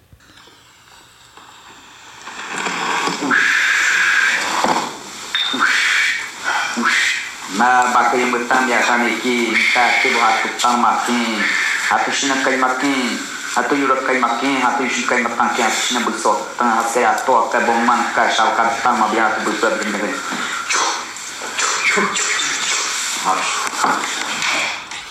Wat zegt hij? House, zegt hij op het einde. House betekent volgens mij eh, gewoon zijn. En hij, ook- zij ronden eigenlijk alles af met house house. Dus als ze een keertje... House. House House, hij zegt H-A-U-X. House. En, ehm, maar goed, in ieder geval die spreken en dan staan ze tegenover je en dan, eh, ja, dan hoor je dat gepraat en dat geratel met die dingen. En dat is best wel intens. Dat je, Want ik dacht dat, ik dacht dat het persoonlijke ikro's waren. En ik dacht dat dat liedjes waren. Maar dit klonk meer alsof je een toverspreuk over je aan het uitspreken was. Ja, maar dat, dat, ja, nou ja, dat is het dan. Soms is het wat muzikaler dan de andere keer. Ja, ja. Dit doet hij dan, hier, hierbij zat hij. Dus Wat, ik heb die- spreekt hij hier? Dit is gewoon Colombiaans of uh, Nee, ja, Braziliaans? ja, ja, het is een mix van Braziliaans en de taal van de op Portugees en de taal van de eh Icaro's. En Maar het dat is wel een, een eh, taal. Ja, Dit kan vertaald worden naar het Nederlands. mm, ja, ja, wel. Wat En, zeggen ze dan? eh, ja, dat is dus wel grappig. Dat op het moment dat je die Icaro's echt letterlijk vertaalt, dan eh, zingen ze letterlijk over de bossen, de bloemen, de bijtjes, het liefde, het leven en dingen. Ja. Maar er zit ook, een- je hoort ook vaak de dingen, hè, zoals eh, floresta, shamanisme, de, allemaal van dat soort Mm, dingen, ayahuasca. mhm. Dat- Je hoort er wel termen tussendoor. Ehm, en vaak tussen de liederen door doen ze dit soort dingen. En dat doen ze dan weer eventjes om, eh, om in een bepaalde mindset te komen. Of, maar goed, die persoonlijke Icaro's, dan komen ze met z'n tweeën langs. En dan staan ze met die, met die wapperaar boven. En dan moet je ook even moet je rechtop gaan zitten. Want dan ben je beter ontvankelijk voor, eh, voor de energie en voor de dingen die zij doen.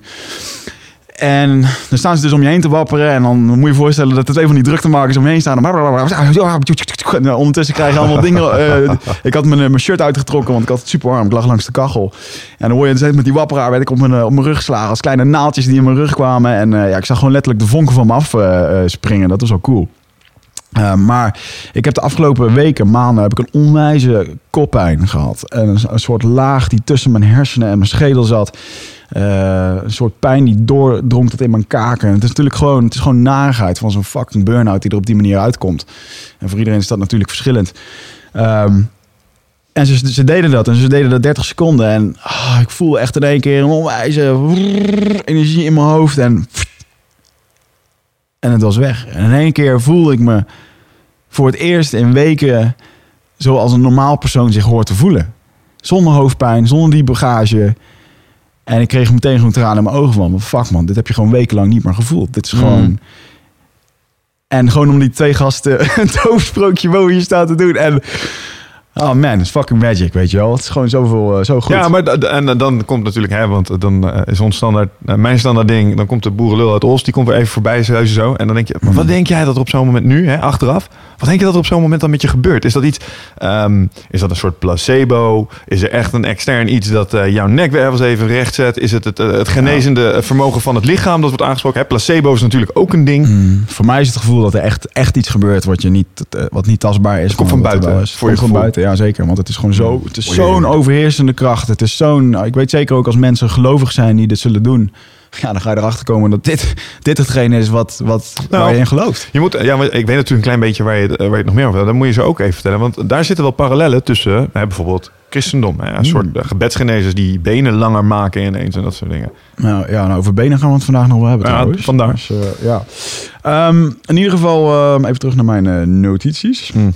Um, even kijken. Toen hebben we dat gedaan. Toen hebben we dit gedaan. Toen zijn we dat gaan doen. Nou, vervolgens uh, ook even van een uit het andere moment zijn we in één keer weer op verpakkingen voor Nutrifit gekomen. Over hoe onze nieuwe krilolie eruit moet komen te zien. Uit het niet. Ja, weet je, het is ook... Word je daar ook moe van? Dat ja. je echt denkt van, hoe kom ik hier nou weer terecht? Nou ja, het is gewoon... Uh, ik krijg best wel veel informatie altijd. En het is soms ook best wel wisselend. Maar hey, goed, uh, dingen komen aan bod. En nou, dan krijg je weer een ingeving. Nou, leuk, weet je wel. Ik weet Schrijf je die dingen direct op? Ja, zeker. Ja, tuurlijk. Want ik weet nu... Ik weet nu nou, niet direct. Nee, doe ik de volgende dag. Ja, oké. Okay, ja. Okay. Um, en toen zat ik op een gegeven moment een beetje van, joh, je moet gewoon wat meer, uh, uh, ging het vervolgens weer over wat meer liefde voor jezelf geven. Dat op een gegeven moment als je op, gewoon op de, ga gewoon eens een keertje lekker op de bank liggen en lig gewoon even lekker te denken, weet je wel. Zit niet mm. alleen maar uh, te piekeren en gewoon, toen bedacht ik hem in één keer van, ja, dan lig ik straks op de bank te, te denken waarom ik lig te denken. Dat is ook vaag. Waarom denken we eigenlijk, weet je wel? Heb je daar wel eens over nagedacht? Heb je wel eens over nagedacht waarom je denkt überhaupt? Het is wel vaag, dat we gewoon kunnen denken. Ja. Dat er iets in jouw hoofd zegt wat je moet doen en wat je mening over hebt. En oh. super, super vaag. Um, weet je, ja, vervolgens ook gewoon... Je krijgt gewoon heel veel uh, dankbaarheid en waardering voor bepaalde dingen. En bijvoorbeeld ook uh, dat op het moment... Um, dat als ik weer aan het werken ben en het begint weer pijn te doen in mijn kaak... of het doet pijn in mijn hoofd, dan is dat een teken. Mm -hmm. Dat is gewoon een wink of the universe. Want dude, um, dit gaat niet goed. Je doet iets verkeerd. En zag ik op een gegeven moment ook... Maar ik merk al vaker dat ik zit ik een tijdje te werken... en dan op een gegeven moment wil mijn kat wil in één keer aandacht. En dan uh, heb ik al eens het idee van ja, is dat nou een soort van uh, kap achter die computer en uh, ik wil nu aandacht, weet je? Dus ja, dat zou ik, zo kunnen. Ja, zo werd het ook een beetje verteld. Dus ik weet dat uh, voortaan zal die, ik hoop dat hij niet te veel gaat maar ik krijg voortaan meer aandacht op dat soort momenten. Hij luistert ook naar de podcast. Dus. Ja, ik denk het wel. En um, ja, vervolgens ging het uiteindelijk, uiteindelijk nog voor jou al dat succes wat je wil behalen. Kijk, uiteindelijk heb je er geen flikker aan als je het wilt delen. Dus ik zag mezelf gewoon met mijn beste vrienden aan tafel. Um, nadat ik een uh, aantal successen met ondernemen had behaald.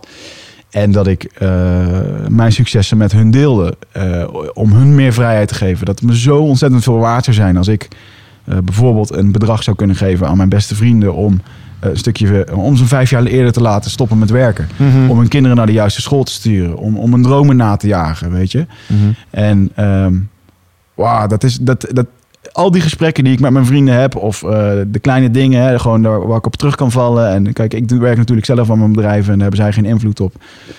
Maar ze, eh, ze zijn anderzijds ook weer onmisbaar in dat hele proces. Tuurlijk. Weet je? Dus daar moet je ze ook gewoon. eh, Jij kan de dingen niet doen als je hun niet in, een in je leven had gehad natuurlijk. ja, ja, ja. Dus dat was echt een. ehm het was wel heel, heel, heel bijzonder. En ook. ehm, ehm, in één keer, ik had heel veel besef. Ik had heel veel het, het, het idee. Ik zat heel erg als een observeerder eh, te kijken naar die shamanen. Wat ze aan het doen waren. Toen ze die persoonlijke Icaro's deden. Op een gegeven moment hadden ze dat allemaal gedaan. En die, die shamaan die, die zuigt dus gewoon alle energie. Ene slechte energie zuigt hij op van, eh, van iedereen. Van 30 van die mensen. En vervolgens moet hij dan zelf een soort van gecleansed worden door die andere shamaan. Ja, dat vraag ik me dan direct af. Ja. Ja, dus die staan elkaar helemaal af te klopperen en te doen. En, psh, psh, en psh, weet je, dan je ziet dan gewoon als het ware dat hij gewoon shit aan het kwijtraken is. En dus dat langs mij zat er een, eh, een super aardige kerel, een normale kerel, ook een, een fanatiek vechtsporter, heeft zijn eigen bedrijf. Een, een Duitse jongen was het. zijn die allemaal mafkezen zoals Wigger die er zitten dus. Nee, maar deze mafkees eh, eh, had zijn eigen probleem. Dus dat hij al 24 jaar aan de cocaïne verslaafd was. jezus. 24 jaar, weet je. En dan, hij vertelde ook eh, een mooi verhaal de volgende dag... dat hij met een andere shamaan op een gegeven moment... in de tijden van zijn verslaving... hij is nu niet meer verslaafd, maar hij heeft wel die neiging nog steeds... dat een van die shamanen die verslaving uit hem nam. En dat hij gewoon letterlijk zag dat er gewoon zwarte drek gewoon overging. En dat die shamaan eh, lijkwit werd Ah, al die 24 jaar, die fucking kutzooi. Hè, want je moet het zo zien dat cocaïne heeft een hele, heeft ook een slechte, eh, slecht, slechte energie. Want het wordt gedaan met moorden, met, met geld. Het heeft te maken met macht, met Oh, boeren die onderdrukt worden. Dus heel die slechte weg van bloed, geld en moord. En dat snuif je gewoon rechtstreeks je, je, je, je hersenen in, je geest in. ah, dat kleeft aan het product, zeg, Ja. zeg je. Ja, ja. En tenminste, zo wordt het dan, hè? Zo, ja, zo kijken hun daarnaar, zeg maar. Ja, ja. Maar dat is natuurlijk ook gewoon... eh, en hetzelfde als je bijvoorbeeld organisch eet. Want waarom is dat goed? Joh, dat is gewoon goed gedaan. Er zit een bepaalde eh, effort achter, weet je. Mhm. Dus daarom is dat gewoon beter. En zo kun je dat ook daarop vertalen. En dat hij vervolgens lijkwit was, dat hij naar buiten liep... en dat die shamaan gewoon stond te kotsen daar. Dat hij gewoon al die zwarte rotzooi eruit eh, uitkotste. En dat dat... Weet je, die neemt dus gewoon letterlijk jouw energie over. En, Nemen zij ook ayahuasca tijdens de ceremonie ja, zelf? ja, ja, Dus zij lopen daar ook high rond op die manier. Mm, ja, omdat ze dan... ze kunnen eh, ook intappen in die... eh, ze moeten in kunnen En tappen wat moet je, na, moet je nagaan dus? Want jij bent na één zo'n glaasje, ga je gewoon eh, liggen te creperen. En zij lopen rond en zijn nog cognitief gewoon dingen aan het doen met je. Ja, zij zitten, volgens mij zitten zij echt voornamelijk in een eh, behoorlijke trance eh, de eh, continu. Ze worden gewoon overgenomen door uh, bepaalde. Dat heb ik al vaker gehoord van een shamaan dat die gewoon, joh, de woorden komen er gewoon uit. Die doen gewoon hun ding. En Wel opmerkelijk hoor. dat is heel bijzonder. En ehm, eh, wat ik gewoon vooral heel bijzonder vond, is dat zij, je hebt er bepaalde beelden. Hè, en uh, hadden het laatste uh, over in de, in de podcast, over wat is nou de waarheid. Hè? Jij kijkt naar die wereld en die wereld die draait gewoon door. En dat is de waarheid. En, en, vervolgens ga jij daar naar kijken en die visie komt bij jou in je hersenen terecht. Jouw gewoontes, jouw tradities en jouw meningen en ervaringen. Die maken daar een, een, mening van. En dat is wat je uitspreekt en, en wat je handelingen zijn. Mm-hmm. Dat is jouw waarheid. En daarmee leef jij, daarmee loop je rond. Maar dat hoeft helemaal niet echt de waarheid te zijn. En wat zo'n shamaan gewoon kan doen, die kan dat beeld gewoon wegpakken. En die zegt van dit is niet goed. En die gooit er een ander beeld voor wat dan wel is. En in één keer heb je zoiets van, oh, fuck. Nooit aan gedacht. Dit, Mhm. dit is het. Mm-hmm. Dus het idee dat zij gewoon letterlijk je perceptie kunnen veranderen. Dat er gewoon, dat ze als het ware met dia's aan het gooien zijn. Van, uh, hey, uh, jij moet dit hebben. Denk eens over na. En dat, weet je, dat is gewoon, uh, dat is een stukje magie. Um, en daarmee eindigde eigenlijk wel een, uh, de, eerste, eerste, de eerste dag, de eerste sessie. En um, ja, was, uh, was powerful. Ik voelde me ook wel goed. Ik had geen hoofdpijn meer en ik had, uh, voelde me beter. Dus ik ben even lekker wat geslapen of wat gegeten. Heeft dat geen hoofdpijn hebben zich nu nog steeds? Dus ja. voel je nu nog steeds beter dan hiervoor? Mm -hmm. Mooi. Absoluut. Maar bijvoorbeeld ook, er zijn wel vaker, mijn, vriend, mijn ex-vriendin die had een auto-immuunziekte, wat een spierziekte was. En die, die voelde zich beduidend beter. Die pakte dan ook minder medicijnen en mm. die had er af en toe nog geen last van. En weet je, straks komt er een verhaal waar ik echt gewoon flabbergasted van was. En wat gewoon echt mega tof is. En voor mij de eerste echte uh, fysieke manifestatie uh, is van, van iets wat niet tastbaar is. Maar goed, dat, daar gaan we het nu over hebben. Um, nou goed, een beetje lopen lummelen de overdag. Was super lekker weer. En um, toen er was mij opgevallen dat daar een, een meisje was. Zoals dat uh, normaal oh, valt. ja, dat staat niet uit natuurlijk. En uh, ja, er was daar een meisje die, waarvan ik dacht van, nou, die, ja, die ziet er knap uit. Dat is een leuke, leuke meid. Mm -hmm. En daar had ik smiddags even een beetje te praten. En um, ja, eigenlijk superleuk gesprek gehad. Eigenlijk gewoon een beetje zo'n hippie bohemian, bohemian girl, zeg maar. Gewoon een beetje zo'n zo'n free spirit. Uh, hoe kan ik dat het beste begrijpen? Ze was yoga lerares. Ze heeft ook uh, uh, dat gestudeerd in India, waar je 12 uur per dag dan de yoga doet. het heeft ook zo'n vipassana gedaan voor 10 dagen. Je, je mond dicht houden en niet praten en doen. Zou ik niet kunnen. Weet je, en ik vind het, maar ik vind het wel onwijs cool. En was het dus een meisje die gewoon recht heeft gestudeerd, een master in recht heeft. En gewoon heeft bedacht van fuck dit, ik wil dit gewoon niet. Ik word je niet gelukkig van. En die, is gewoon, die wil gewoon lekker yoga doen. De hele dag in de yogabroek lopen. Nou, dat, dat, ja, dat, dat mag. maar weet je, ik kan het verder niet voor haar invullen. Maar ik, ik, um, ik kom uit een relatie waar ik uh, met een, met een, uh, een ex-vriendin die, die best wel veel eisend was en de lat voor zichzelf heel hoog legde. Um, altijd erg bezig was met hoe dingen eruit moesten zien. En gewoon een mooie meid en goed gekleed, noem het maar op. Um, maar de reden waarom je dat allemaal zou willen doen, dat, dat kleeft ook ergens aan. Dat is ook ergens, een, ergens aan verbonden, weet je wel. En ik had gewoon heel erg het gevoel dat um, toen ik met haar zat te praten, dacht ik in één keer van, fuck man, ben jij relaxed, weet je. Je bent gewoon zonder, uh, ze wilde gewoon gelukkig zijn en gewoon, uh, ze streefde dat na op haar eigen manier, zonder al te veel materialisme, zonder al te veel, uh, gewoon het, ge het, gelukkig zijn. En dat beschreef ze ook, dat ze dat gewoon was met hetgeen wat ze nu deed. En dat, dat is iets wat ik zelf af en toe gewoon heel erg mis. Dus daarom kon ik dat gewoon onwijs waarderen. Dus ik had, uh, nou goed, ik heb uh, die middag met haar lopen kletsen en ik had daar gewoon een onwijs goed gevoel over. Leuke, een leuke, leuke conversatie gehad. Mm -hmm. Maar dat was me toen nog eigenlijk helemaal niet zo. Ik gewoon, vond gewoon oké, okay, uh, ja, gewoon echt leuke meid, weet je wel. Dus dat was nog eventjes een. dat had ik toen nog niet zo bedacht. Maar goed, toen begon de sessie. Ging ik de tweede sessie in. En. Um, toen begon het eigenlijk best wel weer met een stukje chaos ook. Weer ayahuasca gedronken en op een gegeven moment uh, uh, werd er gewoon gezegd van oké, okay, vanavond gaan we eens even kijken naar, jou, naar, de, naar jouw demonen. En ik dacht, ah fuck, dan gaan we weer. Weet je, ah, weet je, en dan heb je zo dat onzekere gevoel van wat er gaat komen. En dan uh, is heel grappig dat het onzekere gevoel, dat, dat werd in één keer gekoppeld aan. je ligt zoveel te piekeren en te, te malen over dingen die ja, die er helemaal niet zijn. Je stelt je continu vragen, wat als er dit gebeurt? Wat als er dat gebeurt? Mm -hmm. En dat is zo ontzettend vermoeiend. Dat je zo bang bent voor iets wat iets gaat gebeuren. En ja, wat als? Ja, wat de fuck als, weet je wel? En, maar goed, dat, dat had ik heel erg... Uh, uh, draag ik dat bij me om een of andere reden. En uh, ja, er werd eigenlijk gewoon gezegd van... als je nou eens die wat als vervangt door... wat kan ik doen, weet je? Wat kan ik doen om dingen anders te laten zijn? Wat kan ik doen om dingen na te streven? Om dingen... Uh, ja, gewoon anders, dat je er zelf invloed op hebt. Want hè, je wil die controle. En uh, toen, werd, toen kwam dat ook weer terug van, joh, hetzelfde met die auto en die dingen, dan heb je die controle niet. En het is heel grappig hoe dit die ayahuasca laat zien van, ja, zie je, dan kom je weer terug op dat controlefeitje en dat dingetje. En het is gewoon een visueuze cirkel waar je in zit. Ja. En um, toen um, had ik dat besef wel een beetje. En nou, ging ik even terug naar mijn lichaam. Ik merkte dat mijn been echt onwijs actief was. En mijn been uh, uh, heeft wel wat, uh, wat meegemaakt. Dat was tenminste, die heeft al. dat, zo werd het heel mooi gepresenteerd. En dat vond ik super grappig om daarover na te denken. Dat het ging op een gegeven moment helemaal over mijn benen. En mijn benen, die dragen mij al 32 jaar naar elk slagveld, naar elke partij in de ring of op de mat. uren in vliegtuigen en dingen. En besef je wel eens dat jouw benen gewoon fucking motherfucking beast zijn, weet ja, je wel? Ja. en als je een auto uh, uh, aan de straat zet, dan rolt die binnen drie jaar weg. Mm. En jouw benen die, die, die leggen honderden kilometers af en die lopen jou tot je negenste gewoon uh, functioneren gewoon. Dat mm. is, en ik had daar in één keer een besef over van wow, dat is echt zo ontzettend onder, onderschat over wat voor impact dat er is. Denk daar eens over na, weet je wel, over hoe je met je eigen lichaam omgaat en doet. En ik zag gewoon in één keer dat... Um, ik zag mijn, uh, mijn laatste uh, ringpartij waar ik opende met een vliegende knie. En uh, die pofte echt gewoon zwaar op zijn lichaam. Dat was gewoon een perfecte executie. En ik zag gewoon die twee seconden van dat explosieve...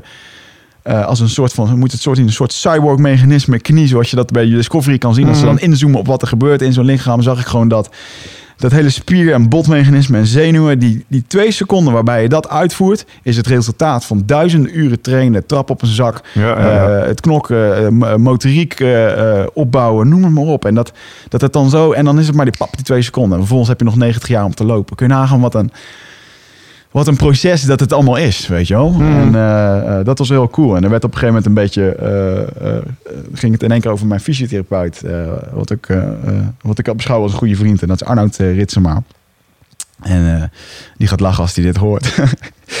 Want ehm, ehm, ja, het ging erover dat ik, de laatste tijd loop ik veel bij hem en laat ik vaak mijn rug, mijn schouders even, mijn nek even losgooien. Hè, omdat daar vaak de stress in zit. Maar eigenlijk had ik gewoon gezegd van, joh, de volgende keer als je er komt, gewoon eens een keertje benen even laten doen, weet je. Want daar zit ook gewoon heel veel stress in. En ehm, toen had ik in één keer een, eh, een visioen van dat je, eh, je moet het zo zien dat eh, in jouw brein, en dat is ook echt zo, dat er neurologische paden worden gecreëerd door gewoontes. Dus oftewel, dat betekent dat er, er zijn vaste patronen in jouw lichaam die je altijd herhaalt. Dat betekent ook dat als jij bijvoorbeeld je bewegingsuitslag maakt, als ik hier die kop thee pak, dat die armbeweging van die kop thee pakken is altijd dezelfde brainwave. Daarom is er nu bijvoorbeeld ook software en apparatuur waarbij men eh, voor mensen die eh, verlamd zijn, die maar hoeven te denken aan dat ze op een muis klikken. Want dat is Mhm. altijd dezelfde brainwave. Dat er iets kan, eh, kan klikken. Hè? Dus daarmee kan men met gedachten bijvoorbeeld dingen besturen. Ja. Door middel van nieuwe technologie. En dat is best wel interessant. Dat gaat, dat gaat een mooi iets worden. Die brainwaves zijn voor iedereen uniek. En, maar wel altijd hetzelfde. En ik, ik merkte gewoon dat al die neurologische vastgeroeste paden, die werden allemaal gereset en werden allemaal vernietigd en werden allemaal een soort van geleegd. Zo van dat eh, er zit zoveel stress en depressie in dat je lichaam is gewoon krom gaan lopen door allerlei eh, vier- op vier plekken mijn, mijn voet gebroken. Eh, stress en dingen, noem het maar op, verkeerde houdingen, niet flexibel zijn en ehm, ja, ehm, dat moest in één keer allemaal gereset worden. En eh, toen zag ik mezelf dus bij, bij Arnoud liggen. En ik heb wel eens eh, bij Arnoud eh, ook hierover lopen vertellen. En Arnoud is best wel een soort van zwart-wit. Eh, die, die vindt iets of helemaal kut of helemaal mooi. en eh, toen zei ik ook al tegen een keer, terwijl de eerste keer dat ik erbij hem lag, zeg ik, joh, jij moet ook een keer die ayahuasca doen. Is goed voor je. Hij zei, is goed voor je. Moet je kijken dat je erbij ligt, man. Weet je wel? Jij auto-ongeluk, ja. ja. precies. Dus eh, hij zei, hoeft mij niet te vertellen wat ik moet doen. Dus, eh, maar goed. eh, eh, en op een gegeven moment... eh, ik voelde daar wel een onwijze dankbaarheid voor. Dat eh, eh, hij behandelt mij wekelijks. En ehm, eh, ja, ik zag wel gewoon, weet je, hij doet dat gewoon omdat hij mij gewoon... niet als fysiotherapeut wil helpen, maar gewoon als vriend om... Hij wil je gewoon vooruit helpen, weet je wel. Dat is ook gewoon in zijn, ja, ook als vriendschap in zijn belang gewoon dat dat gewoon lekker loopt. En dus daar voelde ik een onwijze dankbaarheid voor dat hij dat deed. En ehm, ja, dan, dan, dan is het heel mooi dat in de ayahuasca je vaak gewoon laat zien dat bepaalde vriendschappen die af en toe, weet je, bel hem niet dagelijks of zo, maar weet wel dat het gewoon rustig op de achtergrond heerst en dat het, eh, Ja. dat het veel waard is voor mij in ieder geval.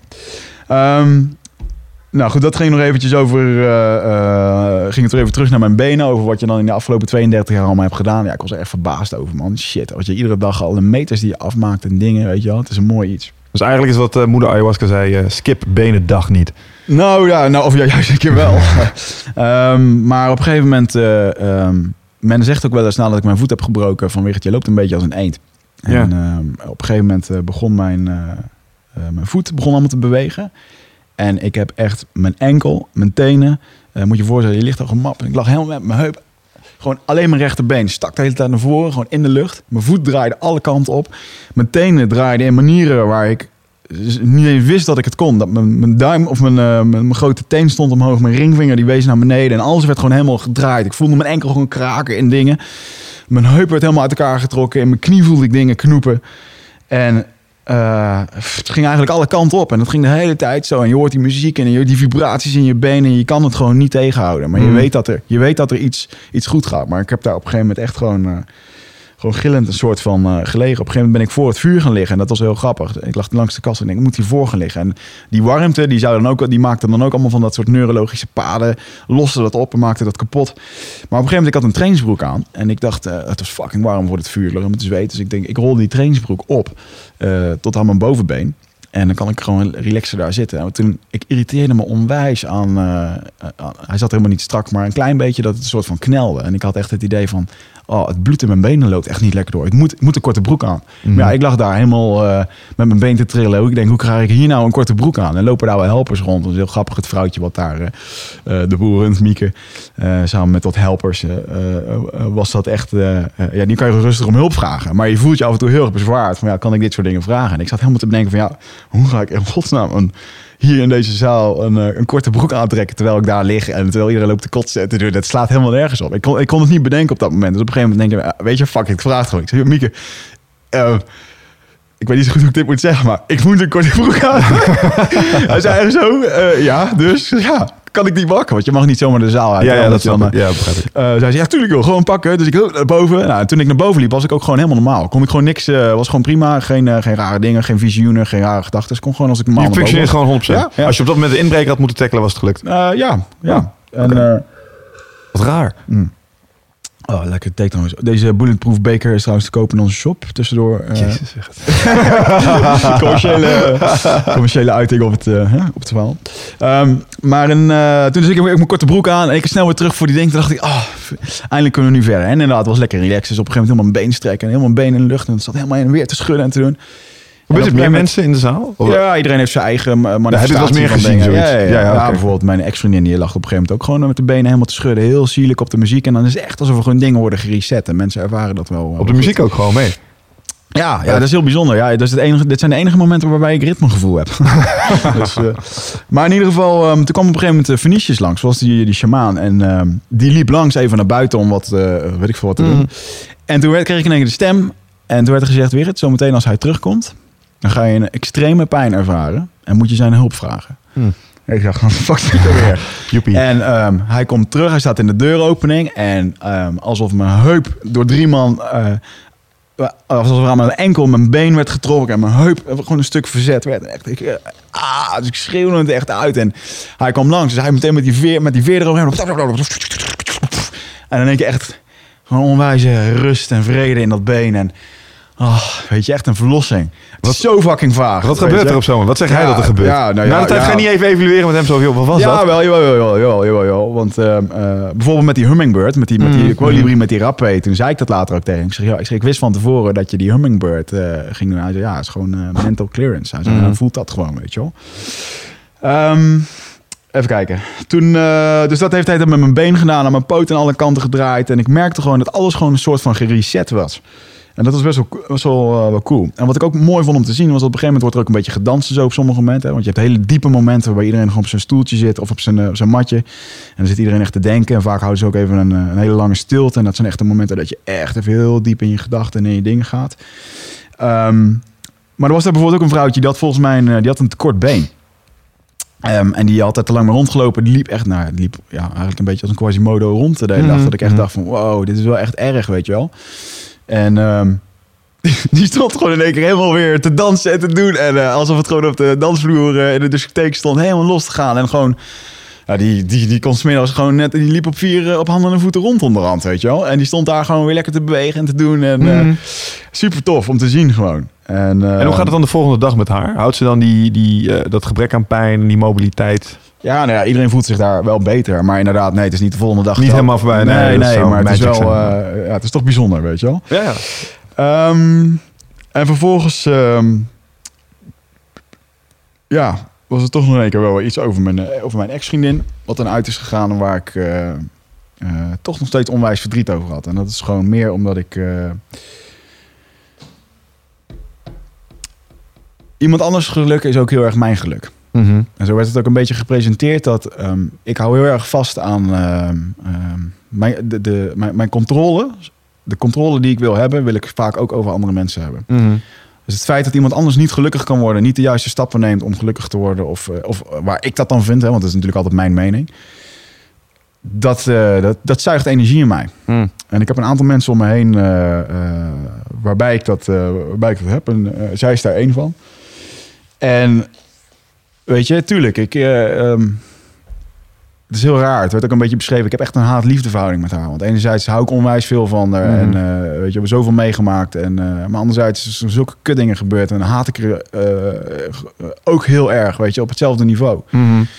Dus dat is een hele, hele vage ehm, ja, beleving, zeg maar. Dat je dus enerzijds zit je gewoon onwijs te, te rouwen over ja, hoe kut dat je het vond. En eh, weet je, eh, ze had dan die spierziekte. En eh, ja, als dat erger was uitgevallen, dan, dan had ik haar in die rolstoel rondgeduwd. Weet je wel? Dat is een gevoel wat ik erbij had. En dan, ik hoop dat het nooit zover komt voor en dat ze gewoon gelukkig wordt en hopelijk gezond blijft. Maar er zit ook een onwijze frustratie bij dat ik ehm, niet kan controleren. Dat ik niet vind dat zij alles doet om, om aan die gezondheid te werken. Weet je? Mhm. Dat het gewoon veel beter kan en dat ze niet de juiste dingen daarom doet. Ehm, Ja, maar dan En- zit je weer op controle. ja, precies. En ehm, eh, ook het. ehm, ja, ehm, even kijken hoor, of ik nog meer heb. Even in mijn verhaal blijven. Weet je ook gewoon de gesprekken die ik met haar had, die, eh, die, die mis ik, weet je. Want het, Mm. dat, er zijn diepe gesprekken geweest en ik weet 100% dat ze die gesprekken nooit gaat krijgen met een nieuwe vriend. En niet op dat niveau. En hè, ze is allemaal Gesproken als het ware extra. Nou ja, weet je, een, ehm, eh, ja, dat klinkt inderdaad wat haatvol, maar anderzijds is het zo, kijk, met hem zal ze een gesprek hebben die ze met mij niet zal hebben. Nee, maar luister, als het is ook gewoon zo. En de dynamiek tussen twee mensen is altijd anders. Dus dat wat jij met je ex had, of eh, kijk, ik heb ook ex-vriendinnen. Mhm. Dat wat ik met hen had, zal ik nooit meer eh, hebben. Dat kan ook niet, want dat is wat je krijgt als je twee unieke mensen bij elkaar in huis gooit. Snap je? Exact, exact. Maar dat was wel een. eh, ehm, ik zag dat een beetje als een. eh, zij, zij, ze zoekt nog wel eens contact met mij. Mhm. Eh, omdat zij het. ja, zij wil dat graag. Ik heb daar wat afstand van genomen. Omdat het mij gewoon iedere keer pijn doet. Op het moment dat zij contact zoekt. Mhm. Dat steekt mij. En ehm, het voelt als een stukje disrespect terwijl het heel erg goed bedoeld is. Weet Mhm. je wel. En ja, het werd een beetje gezien van, joh, je moet dat gewoon zo zien. Ik zag op een gegeven moment de, de oceaan, die met zonsondergang. Waarbij ik gewoon een schip zag liggen, eh, waarbij gewoon een waakvlammetje is. Van zo moet je dat zien, weet je. Je hebt gewoon overzicht over die oceaan. Die is gewoon rustig. En daar is dat schip, dat is dat. Dat heb je met rust gelaten. Eh, weet dat het er gewoon is. Mhm. Je hebt er overzicht over. Eh hou het op een afstandje, hou het in de gaten en prima. Weet je, Ja. dat is wat je moet doen. Dus dat was ook wel gewoon, dat was, het voelde echt een beetje als een afsluiter. Zo van, dit is, dit is gewoon hoe je dat moet behandelen. En dat was wel heel erg, heel, heel cool. Ehm, op een gegeven moment toen ehm, heb ik een beetje met wierook lopen. Of dat was ook nog wel mooi. Eh, eerder op de avond kwam die, eh, kwam die shamaan kwam langs, die Venetiërs. En die komt er met die wapperaar, met die veren komt hij langs. En dan hebben ze een soort van ijzeren eh, eh, schaal. Waar ze houtskooltjes leggen. En dan doen ze dan eh, een bepaald hars op. Want dat geeft een hele dikke walm. En dat is Mhm. echt goed, hè? Al die geuren, die wierook en dat soort dingen. Dat reinigt ook je geest en zo. En wat ze dan doen, dan komen ze langs je en dan waaien ze dat over je heen. Ja. Maar ik zat met mijn ogen dicht. En ik ging voor op mijn matje zitten, zodat je, hè, daar, zodat je dat goed om je heen kan doen. En ik merkte dat, terwijl ik met mijn ogen dicht zat, dan is het dus gewoon zwart, merkte ik in één keer dat er een eh, oranje gloed eh, voorbij kwam. Ik denk, dat is niet goed. Dus ik keek. En toen zag ik in één keer een stuk houtkool op weet je wel. Gewoon echt van het fucking gloeiende kool. En echt gewoon de gedachte die omheen ging. Wat, die shaman zet me gewoon on fire, weet je wel. Letterlijk en figuurlijk hier. En eh, dat was wel heel grappig. Toen dacht ik echt van, ik heb hem niet nodig. eh, Dit is wat je krijgt als je mensen onder invloed van drugs met open vuur laat spelen. ja, precies. En echt zo, hij echt zo, hoop. En op een gegeven moment hoorde ik echt zo, hoop. Dus stelt die veer over me heen. Echt zo van, maar het is ook gewoon, weet je, het is ook gewoon, er wordt ook gewoon veel gelachen tussen de sessie door. En iedereen heeft het wel in ook gaten. gewoon, En dat is gewoon eh, best wel tof. En ehm, ehm, vervolgens ging ik dus zelf eh, eventjes met, ehm, eh, met wat wierook aan, eh, met al aan de slag. Dus dat zelf die dingen waren uit van die stokjes. Die, die, en die staan dan bij zo'n altaartje. Dus op een gegeven moment, ik gewoon een beetje die dingen. want je mag in principe gewoon wel redelijk, redelijk vrij rondbewegen en doen. Wordt er ook gesproken met elkaar? Of Nee, is dat, nee, dat is, dat is verboden. Ja, dat is verboden. En natuurlijk wordt er wel eens een opmerking tussendoor gegaan. En er zijn ook hele grappige momenten, weet je wel. Dat je gewoon... eh, ik lag bijvoorbeeld met dat wierook eh, te klooien en eh, je coördinatiegevoel is niet zo goed. En op een gegeven moment lag ik met de wierook te klooien en te doen. En op een gegeven moment eh, zat ik mezelf, eh zat ik in één keer weer een vonk op mijn broek. Zat ik, en toen dacht ik in één keer weer van ja, leuk. Je hebt die shaman inderdaad niet nodig. Dus je kunt jezelf ook gewoon in de fik zetten. dus dat is super grappige dingen. Ik En, zie eh, nu echt zo'n zaal voor me waar iedereen gewoon heel stil zit te kijken terwijl Wigert in de brand door de zaal heen aan het rennen is. Ja, en op een gegeven moment ook gewoon een, eh, een, eh, een mooi moment dat eh, iedereen lag heel erg relaxed. En een van die helpers, dat zijn dan eh, een, paar, een paar helpers, onder andere een, eh, een dame Ilse. Uh, normaliter ook een Barbara die daar is. En, eh, dit keer was er ook een jongen volgens mij, André. Die, eh André heette die volgens mij, ik weet niet precies.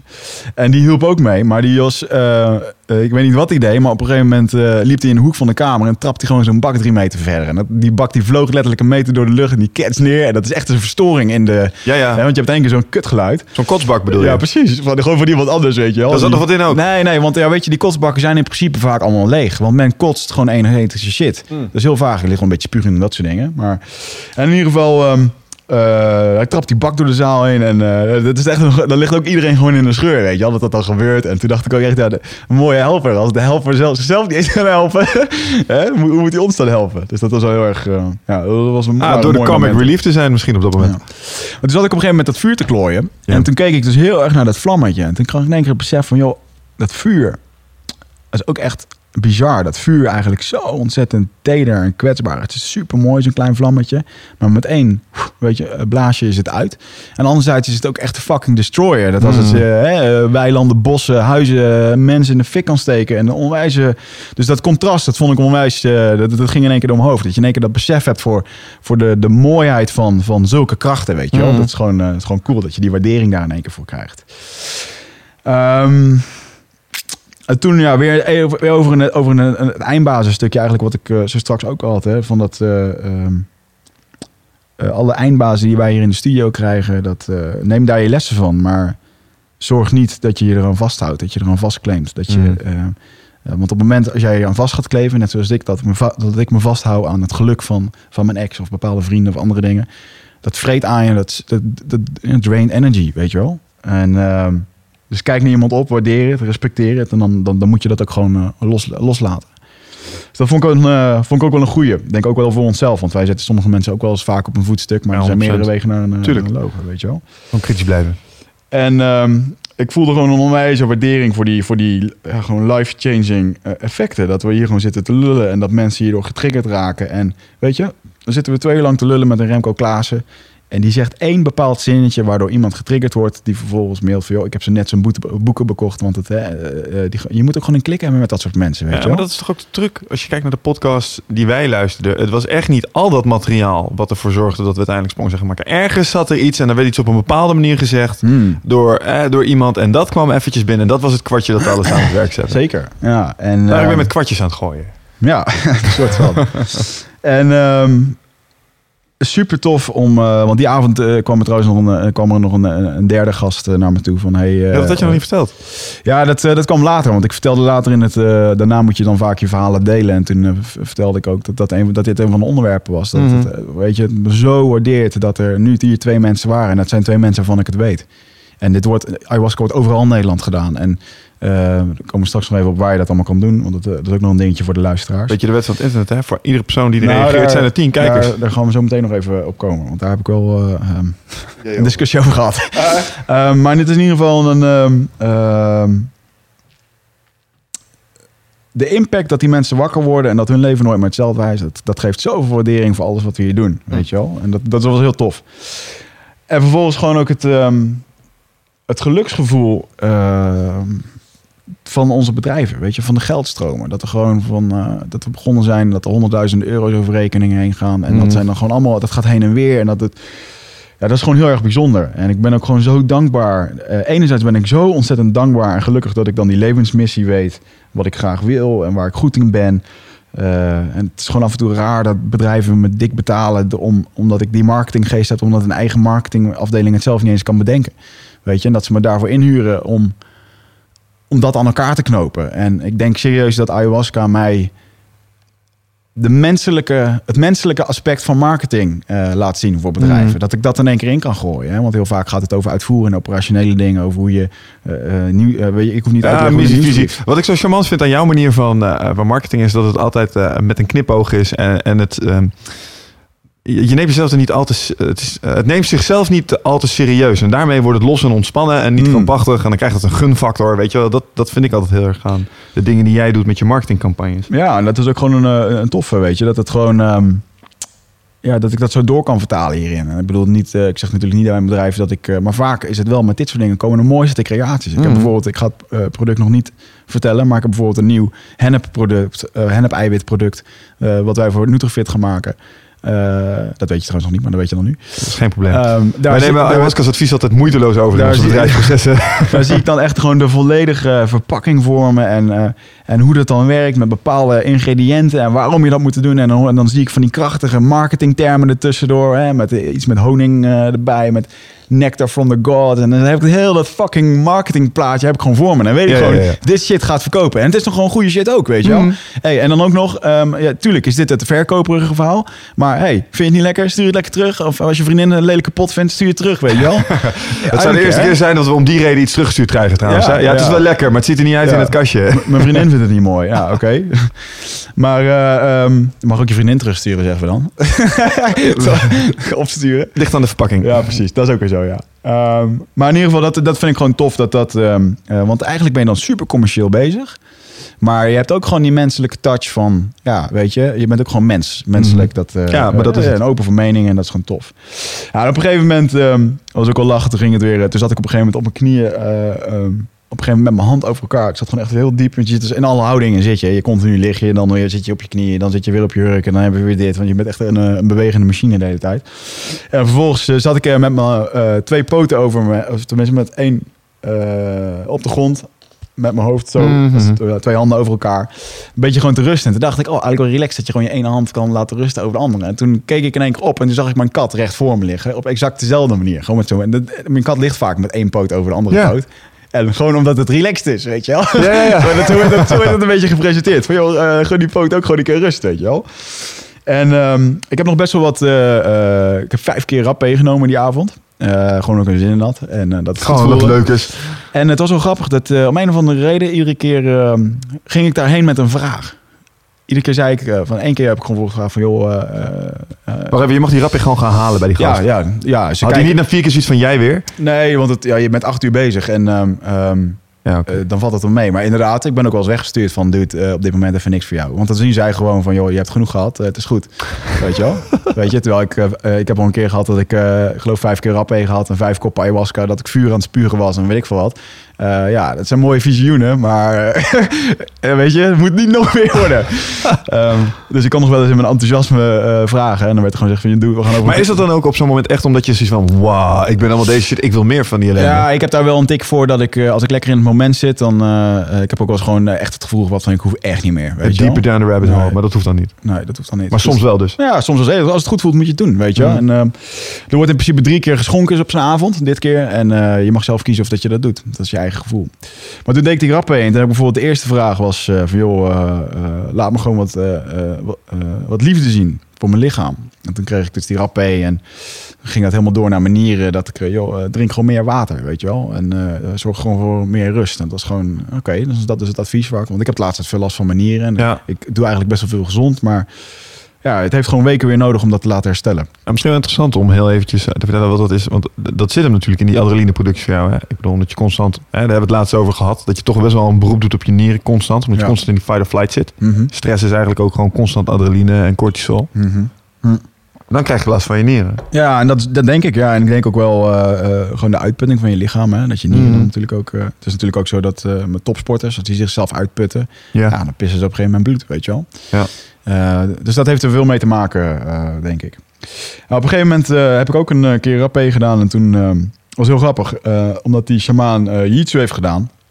En ik heb hem ook wel eens voor me zien staan. Ehm, en toen, het is heel raar, in één keer heb je een soort van communicatie. En ik merkte gewoon onwijze waardering vanuit zijn kant voor het feit, voor, voor de sport jiu-jitsu en voor het, voor het feit dat ik dat doe en de uren die je erin steekt. Mhm. En eh, dat hij daar gewoon onwijs respect voor had. En dat is, zo goed? mooi. Dat is zo mooi om te zien dat die shamanen je, die kunnen je een gevoel geven, jongen, alsof ze gewoon echt van je houden en eh, ze je begrijpen, weet je Mhm. wel. En ehm, dus op een gegeven moment liep ik naar hem toe en toen eh, ging ik uh, die rap. En toen, ik, het gaat eraan zitten komen dat ik mijn zwarte band ooit krijg. Ik ben Ja. een bruine bander. En met Braziliaanse jiu-jitsu is dat een van de taartjes sport om dat te krijgen. En ik geloof dat het gemiddeld 10 tot 15 jaar is. En eh, ja, het is best wel een... eh, ik denk met alle trainingsjaren dat ik nu op een jaar of 13 zit. eh, dat ik, als je alles continu achter elkaar pakt. Ik heb tussenperiodes gedaan, wat minder heb getraind of wat dan ook. Mhm. Ehm, maar, dus toen zei ik van, joh, eh, toon me de weg naar de, naar, de, naar de zwarte band. Veel afkloppen. Geen idee waarom, waarom ik dat vroeg. Het komt dan een soort van binnen. En hij blies dat in me. En ik kreeg een onwijs geduldig gevoel. Gewoon, werd ook gewoon gezegd, van, joh, gewoon geduld. En ik heb altijd heel erg het idee dat ik nog wat wedstrijden wil doen. En eh, dat ik daar nog heel erg op wil presteren. Omdat ik, eh, als ik straks mijn zwarte band heb, dan kom je in de... Ja, dan kom je in de pool waar eh, de vikingen Pool of death, ja. en de haaien zitten. Maar anderzijds, ben je, je bent dan gewoon zwarte bander. Je kan ook meekomen Je bent dat van hen. Ja. Ja. Terwijl ik heb heel erg dat idee, en dat is gewoon een stukje minder waarde voor jezelf. Een stukje niet van jezelf houden over het feit dat je denkt dat je dat kan. Jezelf minder inschatten. Je bent ook een gevaarlijke zwarte bander. Ja, Als je een zwarte band hebt, heb je hem ik. verdiend. Snap je? Ja, alleen met, ja, maar dan is het natuurlijk weer mijn, eh, mijn stukje controle dat ik dan vind dat ik te weinig train. En dan wil ik zo goed presteren. En eigenlijk eh, vind ik dat ik met twee, twee uur per, per week trainen, of twee keer per week trainen, dat ik dan eigenlijk op een heel topniveau moet mee kunnen Ja, maar wat draaien. was het ook alweer? Om je zwarte band te halen moest je 10.000 keer kloppen. Ja, Kun je dan maar niet beter beginnen met kloppen? Was, dat was toch het hele grapje? Ja, ja, goed, dat kloppen gebeurt nog steeds wel veel. Nou, dat was het probleem dan. Ja, precies. Dus, maar goed, het werd wel mooi beschreven. Dat voor jou maak je daar niet zo druk over. En zorg gewoon dat je ook weer een doel stelt voor jezelf. En ook, ik wilde heel graag weer wedstrijden doen, maar doe dat niet te snel. Ik wil eigenlijk in september alweer beginnen. Maar ik heb nu gewoon als idee dat ik eigenlijk gewoon heel graag op het, op het EK eh, weer wil knokken in, eh, in januari. Ja, maar dan negeer je het eerste advies wat je gehad hebt. Rust pakken. Ja, maar je kunt, er werd wel gewoon gezegd van ga gewoon lekker met je eigen lichaam bezig. Ga gewoon weer aan de slag. En, en maar zorg wel dat je rustig ergens naartoe bouwt. Als het niet NN is, hè? Als, dit kan je best wel doen, maar dan zul je andere dingen moeten laten varen misschien. Ja, maar ik ben, ik ben dus ook heel erg bewust dat... ehm, ehm, ik heb bijvoorbeeld onwijs veel krachttraining gedaan. Eh, waarbij eh, eh, onze vriend Noël altijd zijn laatste regeltje van zijn mail is... als hij weer een nieuw programma stuurt van... train totdat je faalt. Opfalen. En dat heb, daar ben ik altijd wel heel erg rigoureus in geweest. Dus dat ik echt gewoon ja, echt letterlijk door mijn benen heen zakte. op via de, de andere apparaten aan, naar, terug naar de kleedkamer strompelde. omdat mijn benen bijna vergeven. Maar ik merkte wel dat in de, in, de, in de periode dat ik dus eigenlijk al aan het werk was aan die burn-out, dat je cont- continu cortisol hoog is. Dat je eigenlijk gewoon jezelf finaal de, de tering in traint. Dus het stukje krachttraining ga ik voorlopig eventjes eh, eh, wat laten varen. En ik ga gewoon eh, ja, wat meer met eigen lichaam bezig, met yoga-achtige dingen. En daar voel ik me veel beter bij. Ja. En jiu-jitsu was er ook een goede van. Alleen moet ik daar wel, ja, dan moet ik er eventjes een maat in zien te vinden. En ehm, ja, vervolgens ging het eigenlijk over mijn trainer, Remco.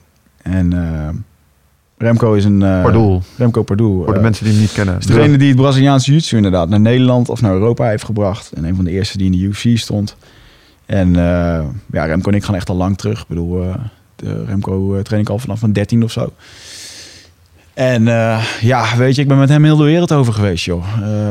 Noem het maar op. Heel Europa, Amerika, om te trainen, om wedstrijden te doen. En ik, ik heb Remco altijd onwijs gewaardeerd dat hij gewoon een jongen van 16 of 17 jaar, dan was hij 32, dat een jongen van 16 of 17 jaar meenam naar het buitenland en eh, gewoon allemaal meeliet aan die avonturen. Mhm.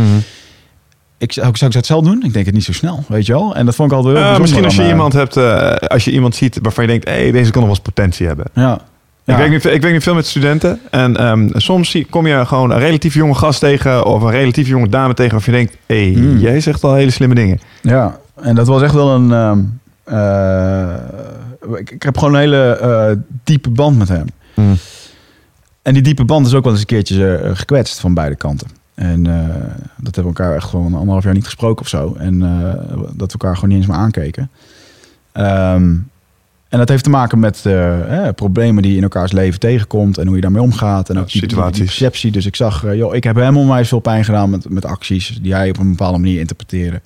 En hij heeft mij op zijn beurt weer onwijs veel pijn aan meegemaakt. En ehm, nou, we zijn dan nu wel, eh, eh, eh, dat, dat hebben we op een gegeven moment wat uitgesproken. Ehm, maar toch merkte ik dat ehm, Remco is er ook een beetje zoekende in dat er een, een hij, heeft- hij heeft het niet altijd makkelijk. En ik heb altijd wel, en daar werd een beetje getoond van ja, kijk, zijn geluk is niet jouw geluk, Hm. maar ergens ook weer wel. En het vreet aan mij dat hij op bepaalde momenten eh, in zijn leven eh, ja, vindt dat hij niet gelukkig is of dat hij Mm. beter verdient. Of... En ik heb wel eens het idee dat hij, eh, hij ziet altijd dingen, dingen best wel zwart-wit en dat is absoluut minder geworden met de jaren. Ik vind hem goed positief veranderd in de afgelopen jaren. Maar ik merk wel dat hij soms heel erg vasthoudt aan een stukje irritatie, een stukje boosheid, een stukje. En dat spreekt hij dan naar mijn idee te veel uit. Mhm. Ehm, en dat is een. eh, eh, hij is gewoon een jongen van de high en lows. Weet je wel. Die gast was gewoon wereldkampioen en brak in één keer zijn been op zeven plekken. Van alles naar niks. Mhm. En eh, vanaf daar ging in één keer leerlingen verlieten hem. Hij ziet, dat, hij ziet dat ook echt als een, als een, als een verraad. En ehm, daar werd een beetje over getoond van daar moet je ergens ook wel een beetje mee oppassen. Want verraad is echt een naar woord. En ook al waren het hele nare acties en heeft hij dat zo beleefd. Ehm, ja, je kunt het ook gewoon denken, of joh, iemand anders had een andere mening. En jullie zijn er niet samen uitgekomen. En weet je, Mhm. en ik zag een beetje, ik zag mijn oceaan met dat schip waar, eh, met dat waakvlammetje op van prima. En ik zag Remco zijn ding. En dat was gewoon een, bo- een bos met allemaal brandende bosjes, wat gewoon continu aangewapperd werd. Weet je Ja, wel, een ja. soort van, eh, dat houdt dan nooit op. het, blijft smeulen. Hmm. en ik zag hem, want hij is natuurlijk ook voor mij is hij gewoon een, eh, een samurai meester eerste klas. Mhm. Alleen er, er werd wel een soort getoond van ja, hij is absoluut een, een meester in alle dingen die hij doet, in de kunsten die hij doet. Maar hij moet ook die balans kunnen vinden in eh, het stukje laten rusten, en het stukje accepteren. En het, Ja, maar eh, dat sluit denk ik aan bij, en, en dat is misschien een, een kenmerk van eh vechtsport, zijn met name mensen die wedstrijden in de vechtsport gaan. Die Mhm. hebben vaak een heel sterk ego, heel, zelf, heel sterk zelfbeeld, veel zelfvertrouwen. Heb je ook wel nodig op het moment dat je gaat strijden natuurlijk. ja. Maar daarmee valt me op dat mensen die een heel sterk ego hebben, ook vaak, hoe sterker je ego, hoe binairder je denkt. Ja. It's your way or the highway. En ik Ja. weet niet of dat helemaal voor Remco zo geldt, maar ja, eh, eh, één ding is zeker, het is een sterke persoonlijkheid. Ja, en Dus weet je, hij heeft, hij voorstellen. heeft die kracht, jongen, dat heel de zaal kan die motiveren. En er is niemand die mij meer kan, kan on fire kan zetten dan hij, Mhm. weet je. Maar dan moet, wel, dan moet hij zelf lekker in zijn vel zitten. Want op het moment dat dat niet zo is, dan, eh, dan hangt er een hele... Ja, eh, Jantje donkere- lacht, Jantje huilt. Als hij, als eh, Remco, wat ik er zelf van heb meegemaakt, als hij goed in zijn vel zit, dan kan hij het gevoel geven alsof je de meest welkome mens ter wereld bent. Mm. Weet je, dan nodig je uit die gym, gaat hij meteen eten voor je halen, weet je, Ja, zorgt ja, ervoor dat je het op je gemak hebt. Dat is Ja. gewoon, ja, dat is Remco. Dat zijn de uitersten, weet je wel. En, ehm, maar goed, ik had er wel heel erg het idee van, joh, ehm, ik heb het er vaak met Remco over gehad. En hij zei altijd wel van, joh, ik wil dat ook een keer doen. En, dus ik had daar gewoon bedacht van, joh, eh, weet je, ik vind het eigenlijk ik vind het gewoon kut dat, eh, dat die, eh, hij heeft eigenlijk ook gewoon een master nodig op een bepaald gebied. En laat dan dat, dit shamanisme dat dan voor hem zijn. Ja. Want ik weet gewoon zeker dat dit gewoon, dit is de, ehm, de fysieke ervaring waar hij in één keer die klik van kan krijgen van Ja. fuck, dit, dit is goed. Dit, en dat, dat is denk ik ook goed voor hem. Want anders dan blijf je een beetje in het vage. En ehm, dus ik heb daar ook gewoon eh, bedacht van joh, ik, eh, ik ga hem meenemen naar de volgende keer. En eh, die, die heb ik hem ook meteen voor ge-sms'd. Hij gaat volgende keer mee met jou. Eh, nou Rem, dat was gezellig jongen. ik, ik ga ervoor zorgen dat hij daar aan mee kan doen. En ik vind dat, weet je, zijn geluk is mijn Ja, geluk in dat ja, opzicht. ja, en, mooi, man. Weet Hij je, staat dat- ervoor open? Hij staat- ja. is het zo net zo'n scheidlijst als Nee, ik? nou, nou, weet je, hij zei altijd dat hij ervoor open stond, maar hij is dan niet degene die dan zelf zegt van ja, ik ga het doen. Dan moet je hem ook gewoon aan de hand meenemen. En ja, dat, ja. Beetje dat- zoals mij. dat was ook een beetje een besef dat ik op een gegeven moment, ehm, eh, de vorige podcast die hebben we gedaan, echt wekelijks krijgen we nog vragen van Ja. mensen van Wigert, waar kan ik dat doen? En ik ben er altijd wat huiverig voor geweest om dat te vertellen van ja, waar, ehm, omdat ik het heel erg wisselend vind. Ik heb mensen naar deze plek gestuurd waar ze het helemaal niet relaxed vonden. Ehm, ik heb mensen ook naar andere plekken horen gaan eh, waar ik zelf niet ben geweest, waar ze het perfect vonden. Eh, Ja. Je hebt bijvoorbeeld de gewijde reis in Nederland. Mhm. Eh, als je, en weet je jongens, om heel eerlijk te zijn, onze eh, methode is ook een beetje, eh, je moet het ook een beetje zelf zoeken. Want een hele hoop luisteraars, ja, ik heb dezelfde Google als jullie, weet je. En als ik ayahuasca Nederland eh, google, dan zie ik eh, de eerste pagina, exact de dingen die jullie ook zien. En, en waarom, ik snap niet waarom, is dat zijn dat dan Omdat jij, nou, omdat jij ervaringsdeskundig bent. Ja, en maar omdat dat- jij waarschijnlijk al een soort voorstel... Ik, ik snap het wel. Ik- Let me Google that for you, weet ja, je ik wel. zie het ook een beetje als een eh, als, als uitstelvraag. Weet je wel? Van Ja, eh, oké, jullie ah. willen het wel. Jullie willen het een soort op een blaadje gepresenteerd krijgen. Maar jongens, ik doe, ik, ik doe deze podcast. Ik vertel mijn ervaringen. En jullie moeten eigenlijk wel een beetje de rest doen. Maar op een gegeven moment merkte ik ook gewoon van ja, oké, het was daar altijd best wel druk. En eh, ik merkte dat ik daar. eh, vond het ook wel eens irritant. Eh, en toen eh, werd er in één keer, eh, toen lag ik boven mijn kotsbak. En ik heb wel eens met, met een vriend van mij, Paul, ook hier, die was er nu ook, waar we het regelmatig doen, ook een businesspartner van ons. Ehm, waar wij zeiden van ja, weet je, ik ga ook niet iedereen erheen sturen, want dan is het daar straks veel te druk. En eh, hij- toen kreeg ik echt zo'n, hey, fucking egoïstische motherfucker. Ja, dat is Wie ben, wie ben Ja. jij om voor je eigen gemoedstoestand te bepalen of dat het hier te druk is, ja of nee? En dat andere mensen ook gewoon eh, deze hulp moeten krijgen. Het is niet aan jou om te bepalen of dat er 30 of 40 man in zit. Dat is jouw probleem. Nee. En het is aan eh, de organisatie Baba Jaga, eh, waar ik regelmatig naartoe ga in Groningen. Het, het is aan hun om te regelen hoe dat ze dit doen.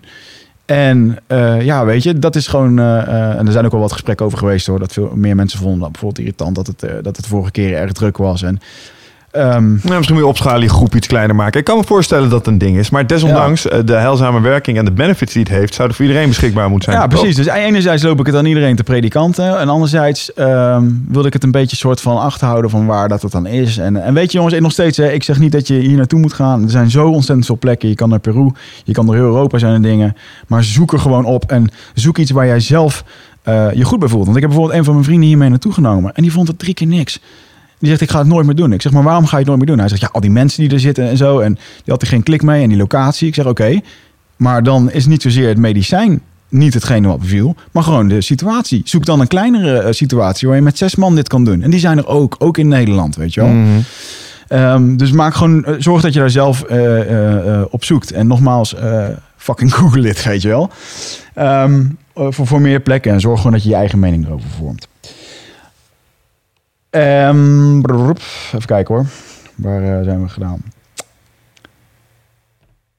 Dat hebben we ook aan gehad. Nou, oké. Ja, op een gegeven moment kwam dit. Ehm, op een gegeven moment stond dus dat eh, meisje waar ik 's middags mee had lopen, da- eh, lopen dansen. Waar ik 's middags mee had lopen kletsen. Ja, er werd gedanst, zei je, dus zou Nou die stond in één keer te dansen. En ehm, mijn eh, prototype of droomvrouw is eh ja, fotomodelletje. en dat is echt een fotomodeltype. Lange benen, mooie kop en een tien, weet je wel. Mhm. En dat is ook zo'n ding. Hè? Als je dat continu nastreeft, dan wordt de pool niet zo heel groot, weet je wel. Maar ik heb je vaker gezegd dat je veel te kieskeurig bent. Maar ja, fuck it, weet je wel. Dat is wat ik wil en dat is wat ik mooi vind. En, en op een gegeven moment, toen zag ik ook gewoon, zag ik haar in één keer gewoon lekker relaxed dansen. En ook naarmate het gesprek wat wij 's middags hadden gehad. En toen dacht ik in één keer van, fuck man. Dat is het andere uiterste. Hè? Dat is gewoon de, de, de hippie die, eh, die zich helemaal gewoon prima voelt. En die zich er nergens druk over maakt. Eh, en, wat ook gewoon een super mooie meid is. Mhm. Of je hebt het prototype eh, fotomodel, echt zo'n powerwoman die... Want waarom doet iemand zo onwijs veel moeite om er telkens maar goed uit te zien en continu die mooie foto's te plaatsen en dit en dat. Het is eigenlijk allemaal gewoon een gratificatie van, ja, je wil gewoon een stukje eh, luister, goedkeuring. pak ego. Mark van Vught er even bij. Eh, Mark van Vught die zei er heel simpel over, dat is eh, statusverhogend. Ja. Dat verhoogt jouw kansen in een groep om meer aanzien te krijgen. En meer aanzien is gewoon meer kans op partners. Wat weer kans is op voortplanting. Dus Ja. het doorgeven van je genenpakket. Ja, En dat is waarom mensen shit op Facebook zetten. Ja, ja, precies. Maar in ieder geval, dat, maar dat moet je je ook zo voorstellen. Dat als je dus achter zo'n modelletje aangaat, of een, dat is zo'n type, dat op het moment dat je die hebt, dat je dus ook die bagage krijgt in je relatie van eh, dat continu eh, zoeken naar, naar die bevestiging. En dat het ook gewoon een bepaald ego met zich meeneemt. Maar natuurlijk. En bovendien, uh, uiterlijk, het is allemaal wel leuk. En natuurlijk is het logisch, want we selecteren op basis van uiterlijk. Want dat, ge- dat geeft je informatie over de kwaliteit van hun genenpakket. Hè. Waarom Mhm. vind je een mooi meisje met een heel symmetrisch, fijn gezichtje? Ja. Vind je dat mooi? Ja, dat ge- getuigt van veel oestrogeen. Dat is dezelfde reden waarom grote borsten en iets bollere heupen vaak appelleren. Hmm, Ja. ja. Maar ja, daar hebben een paar eh, slimmere mensen als ik iets heel moois over gezegd. Laat me een mooi meisje zien. en ik laat je een gast zien die de gezeikzat is, weet je wel? ja, ja, ja, maar dat is zeker zo. En, ehm, eh, maar het was wel heel leuk dat ik, of tenminste heel grappig om te zien dat ik die, exact die twee uitersten. En toen, eigenlijk is zij, eh, dat hippie meisje, was, was exact het andere spectrum van opzichte van mijn ex-vriendin. Eh, maar wel totaal wat ik eh, zoek. Mhm.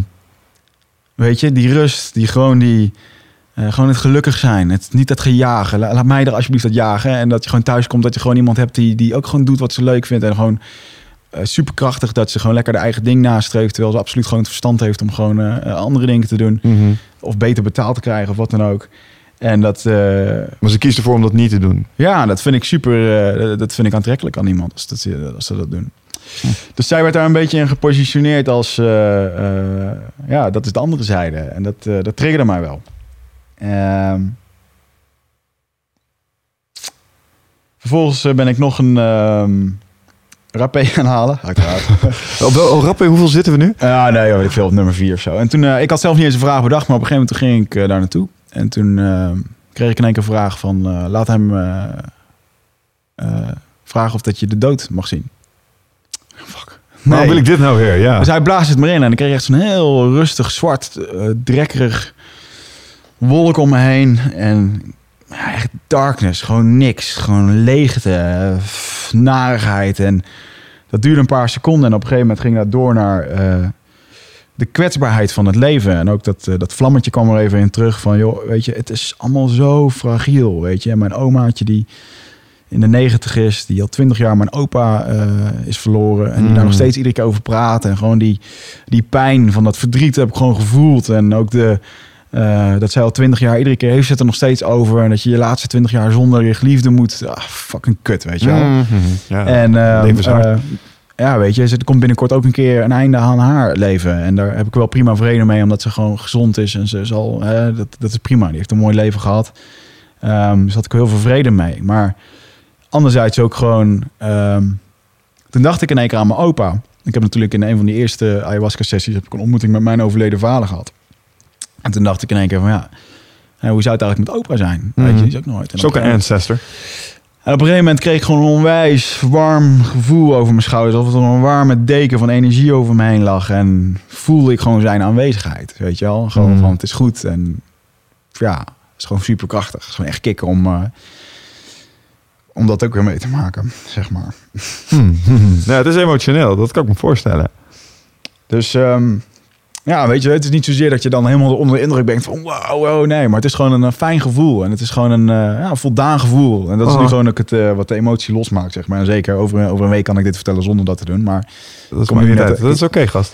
kom nu net een dag hieruit, zeg maar.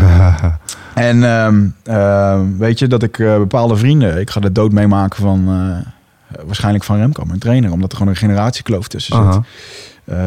Van mijn kat, van mijn broer. Van mijn, weet je, dat zijn allemaal dingen... Ja, Maar het- troost het ayahuasca daar dan niet in? Nee, want ik vind het gewoon een hele realistische kijk. Dat je heel erg moet beseffen hoe kwetsbaar alles is. En hoe je...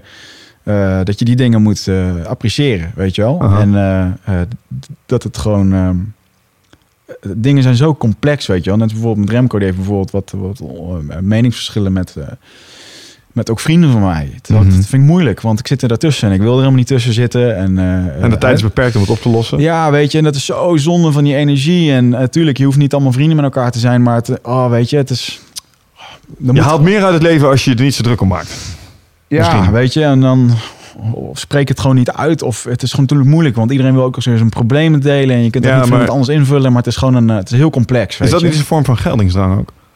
Eh, en ik denk dat iedereen het op een manier zijn gelijk probeert te halen. Ja, toch? Ja, iedereen wil mannetjes achter Ja. zich winnen of een keer die bevestiging van ja, inderdaad, weet je. Maar goed, eh, buiten dat, ik vind dat een eh, die fragielheid en dan denk ik van ja, dan moet je eigenlijk meer, dat zou je af en toe meer op het op een altaartje moeten zetten van jongen, daar moet je mee oppassen, weet je. Die fragielheid van het leven en van het Maar vloeit er nu een soort angst of een soort waardering uit voort? waardering. Ja. De waardering voor het kwetsbaarheid dat het zo voorbij kan zijn en dat. En dat in dat moment leven dus Ja. des te belangrijker is. Ja, en toen kwam het een beetje dat ik, eh, een beetje zo'n zelfreflectie, dat ondanks dat ik alles doe wat ik wil en eigenlijk alles heb wat ik wil, nou is niet helemaal waar, want iedereen zoekt natuurlijk ook nog de, je uiteindelijke successen en eh, relatie en dat soort dingen, maar eigenlijk dat ik gewoon diep ongelukkig was, Hmm. ben. Hmm. En dat is toch super vaag? Mhm. met alle successen die je hebt en alle dingen die er groeien en totaal helemaal geen zelfwaardering, geen, eh, het is nooit goed genoeg en Klinkt als een hele verzameling zelf opgelegde beperkingen. Want als je het op een afstandje bekijkt... ja, dan Tuurlijk, staat het nergens mensen op. mailen je om te vragen hoe je het voor elkaar krijgt. Ja, nee, maar dat, maar dat is gewoon mijn eigen. eh, Dat zelf opgelegd. Weet je, fucking, eh, ja, weet ik veel. Ja, zelf opgelegd. Ja. Dus dat, en op een gegeven moment die diepe ongelukkigheid. En dan voel je dat op het aller, allerdiepste. de- echt een beetje de leidraad in mijn leven soms. En dan. En dat deed me een beetje denken aan een gesprek wat ik dan inderdaad met Aubrey heb gehad. En ik Mm. in zijn huis zat. En dan zit je daar in een miljoenen villa met een zwembad. En dat hij ook gewoon zei van, joh, Wigert, hij zegt af en toe eh, met alles. Hij zegt, dan ben ik ook gewoon doodongelukkig. En dan denk je, jongen, je hebt alles wat ik wil, weet je. En Mm. Dus iedereen heeft het. En ik denk dat je die, eh, die balans werd weer getoond, dat dat heel erg belangrijk is. Dus op een gegeven moment stond ik weer een beetje te dansen met mijn bak in mijn hand. Dat was heel grappig. En toen eh, en dan voelde ik er gewoon de pure happiness. Zonder al die zorgen, zonder al het gezeik. Mijn benen waren helemaal vrij van stress. Gewoon helemaal lekker soepel aan het doen. En oh, dan voel je die pure ecstasy van gewoon blijdschap. Van, Mhm. oh, dit is gewoon hoe het is als je als kind geboren wordt. En nog helemaal vrij bent van al die ballast en shit en dingen. Weet je, en het voel je, dan ben je gewoon niet attached aan, iets, aan iets. En dat is gewoon een hele, eh, hele goeie. Ehm, ja, dus dat was eigenlijk, daar eindigt het een beetje. De, eh, de grote les was denk ik eh, dat je niet echt, ehm, dat, je, dat ik meer moet proberen om niet, niet zo vast te houden aan al die dingen. Mhm. Eh, aan, aan het geluk zoeken en aan dit en aan succes. En gewoon meer het laten zijn zoals het is. En, eh, ja. Meer genieten van de momentjes blijkbaar. Tenminste, dat is wat ik eruit haal. ja man, dat denk ik wel. En ehm, maar gaan we dat kunnen naar aanleiding van deze boodschap? Ja, ja, dat, ja, dat zullen we zien. Dat is nu, eh die shamaan zei het goed, van eh, vanavond heb je 50% gekregen en de overige 50% gaat in de komende weken bij je komen. Daar zul je zelf voor moeten werken. Mhm. Ehm, nou goed, en de volgende dag was heel bijzonder dat ik ehm, eh, natuurlijk lekker geslapen en zo. En op een gegeven moment ehm, liep ik naar buiten. En ehm, ik liep altijd scheef. Ik keek op een gegeven moment naar mijn voeten, Mhm. omdat ik mijn voet heb gebroken op vier plekken. En eh, stond mijn voet altijd 5 centimeter naar buiten. Ja. En ik keek naar mijn voeten en mijn voeten staan recht. Weet je? Ja. Fucking weird. Echt gewoon... Het zou iets te maken kunnen hebben met die eh, ongevraagde rek- en strek sessie. eh. Ja, weet je. En dat, op een gegeven moment zat ik er trouwens ook nog binnen. En zat ik op een gegeven moment ook gewoon een beetje... Toen had ik ook een beetje niet om te strekken. En op een gegeven moment eh, zat ik gewoon op mijn reet met mijn benen wijd. En ik zat gewoon voorover gehangen. En ik pakte gewoon alle twee mijn handen, mijn tenen vast met Hmm. gestrekte benen. ja, dat kan je helemaal niet, hè? Daar ben ik niet goed. Daar heeft meneer Noël, Noël mij een keer een, een sessie voor gegeven dat ik nog net mijn tenen aan kon raken. Met veel pijn en moeite. Maar ehm, dit was gewoon fucking beyond that. Alsof er gewoon in één keer een stuk ruimte extra was voor stress die eruit was. En voor mij was dit gewoon een, eh, echt een wow moment van eh, fysieke manifestatie van iets wat niet tastbaar is. Om, Als iemand die net zijn Milogenics aan het doen is, klinkt alsof er een shitload aan verklevingen in één keer uit zijn getrokken of zo. ja, en ik denk dat dat het ook dan gewoon was. Ja, weet je? zoiets. Dus dat was, dat was echt heel cool. En daar ben ik nu steeds verbaasd over. En ik loop ook eigenlijk lekker soepel. En ehm, ik hoop dat ik vol kan houden. En Ja, dat, ja, dat absoluut. werd ook een beetje getoond van... joh, doe dat onderhoud. Doe s'avonds in ieder geval gewoon 20 minuten stretchen en dat soort dingen. Geef eh, eh, liefde aan, je, aan jezelf. Dat is liefde geven aan jezelf, weet je. Mhm, Gewoon in je mhm. lichaam werken. En ehm, ja, toen heb ik de volgende dag eigenlijk nog met het... eh, toen zei ik, ik had nog tegen dat meisje gezegd van... joh, je hebt echt een grote rol in mijn sessie gespeeld. Mhm. En ehm, daar gaan we het straks nog wel even over hebben. Maar laat nu maar, het is een lang verhaal, weet je wel. En toen zat ik in één keer inderdaad één op één met haar. Ik denk, ja, je kunt er nu weer dit laten gaan. Maar weet je, je zit dan in zo'n modus dat je, ehm, dat je ook heel open dingen naar kan, kan vertellen. Mhm. Dus ik had dat verhaal ook verteld. Veel ook, eh, vond het gesprek wat we gisteren hadden gewoon super relaxed met je. En ik, eh, ik heb zo'n waardering voor hetgeen wat je, eh, hoe dat je dat uitspreekt en dat je dat uitdraagt. En eh, voor, gewoon voor de persoon zoals zij is. Ehm, en daarbij ook gewoon te kennen geven van, joh, eh, ja, ik, ik zou je graag beter leren kennen. weet Kopje je wel. koffie? Vraagteken? Dus eh, nou ja, goed. En dat was gelukkig een, eh, een wederzijds ding. Dus je dat, motherfucking eh, player. Je hebt gewoon wijven over oppikken Nee, op je wel, gast. nee, Dude, nee. nee, geintje. Deze moest ik even maken. Kom op, gast. ik, een inkoffertje. Nee, Ja. weet, je, weet je, ben ik verliefd? Nee, niet. Maar heeft op knoppen gedrukt? Ja, zeker. Ze heeft Nou, hey, luister, maar je, je weet hebt een ontbering met elkaar doorstaan. En dat schept sowieso een band. Weet je, en, en ik zie het eigenlijk zo dat eh, ehm, zij ook, weet je, ook al wordt dit helemaal niks, of is dit nou, eh, blijkt het dan toch niks te zijn, weet je, dan ben ik haar gewoon hartstikke dankbaar dat zij mij heeft laten zien wat ik dan absoluut wel in een vrouw Mhm, zoek. mhm. Snap je? En hoe het ook kan. En dat kan ook gewoon de les zijn van zo'n ayahuasca. Snap je? Nou goed, neem niet weg dat ik er gewoon, eh, eh, ja, een kopje koffie mee gaan drinken. Leuk. Ja, dat is de bedoeling. Ehm, even kijken hoor. Wat, Valt me eigenlijk tegen dat die datum nog niet gepland is.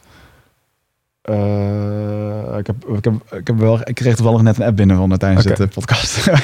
maar nee, Wil je nu eh, even bellen anders? Nee. we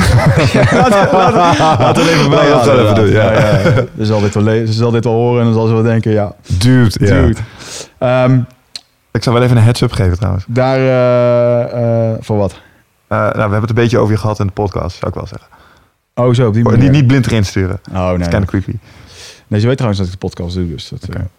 Ehm, maar goed, in ieder geval, ehm, ja, dat, dat eindigde de, de, de, de sessie een beetje. En ehm, weet je, ik denk dat mijn grote les waren dat ik...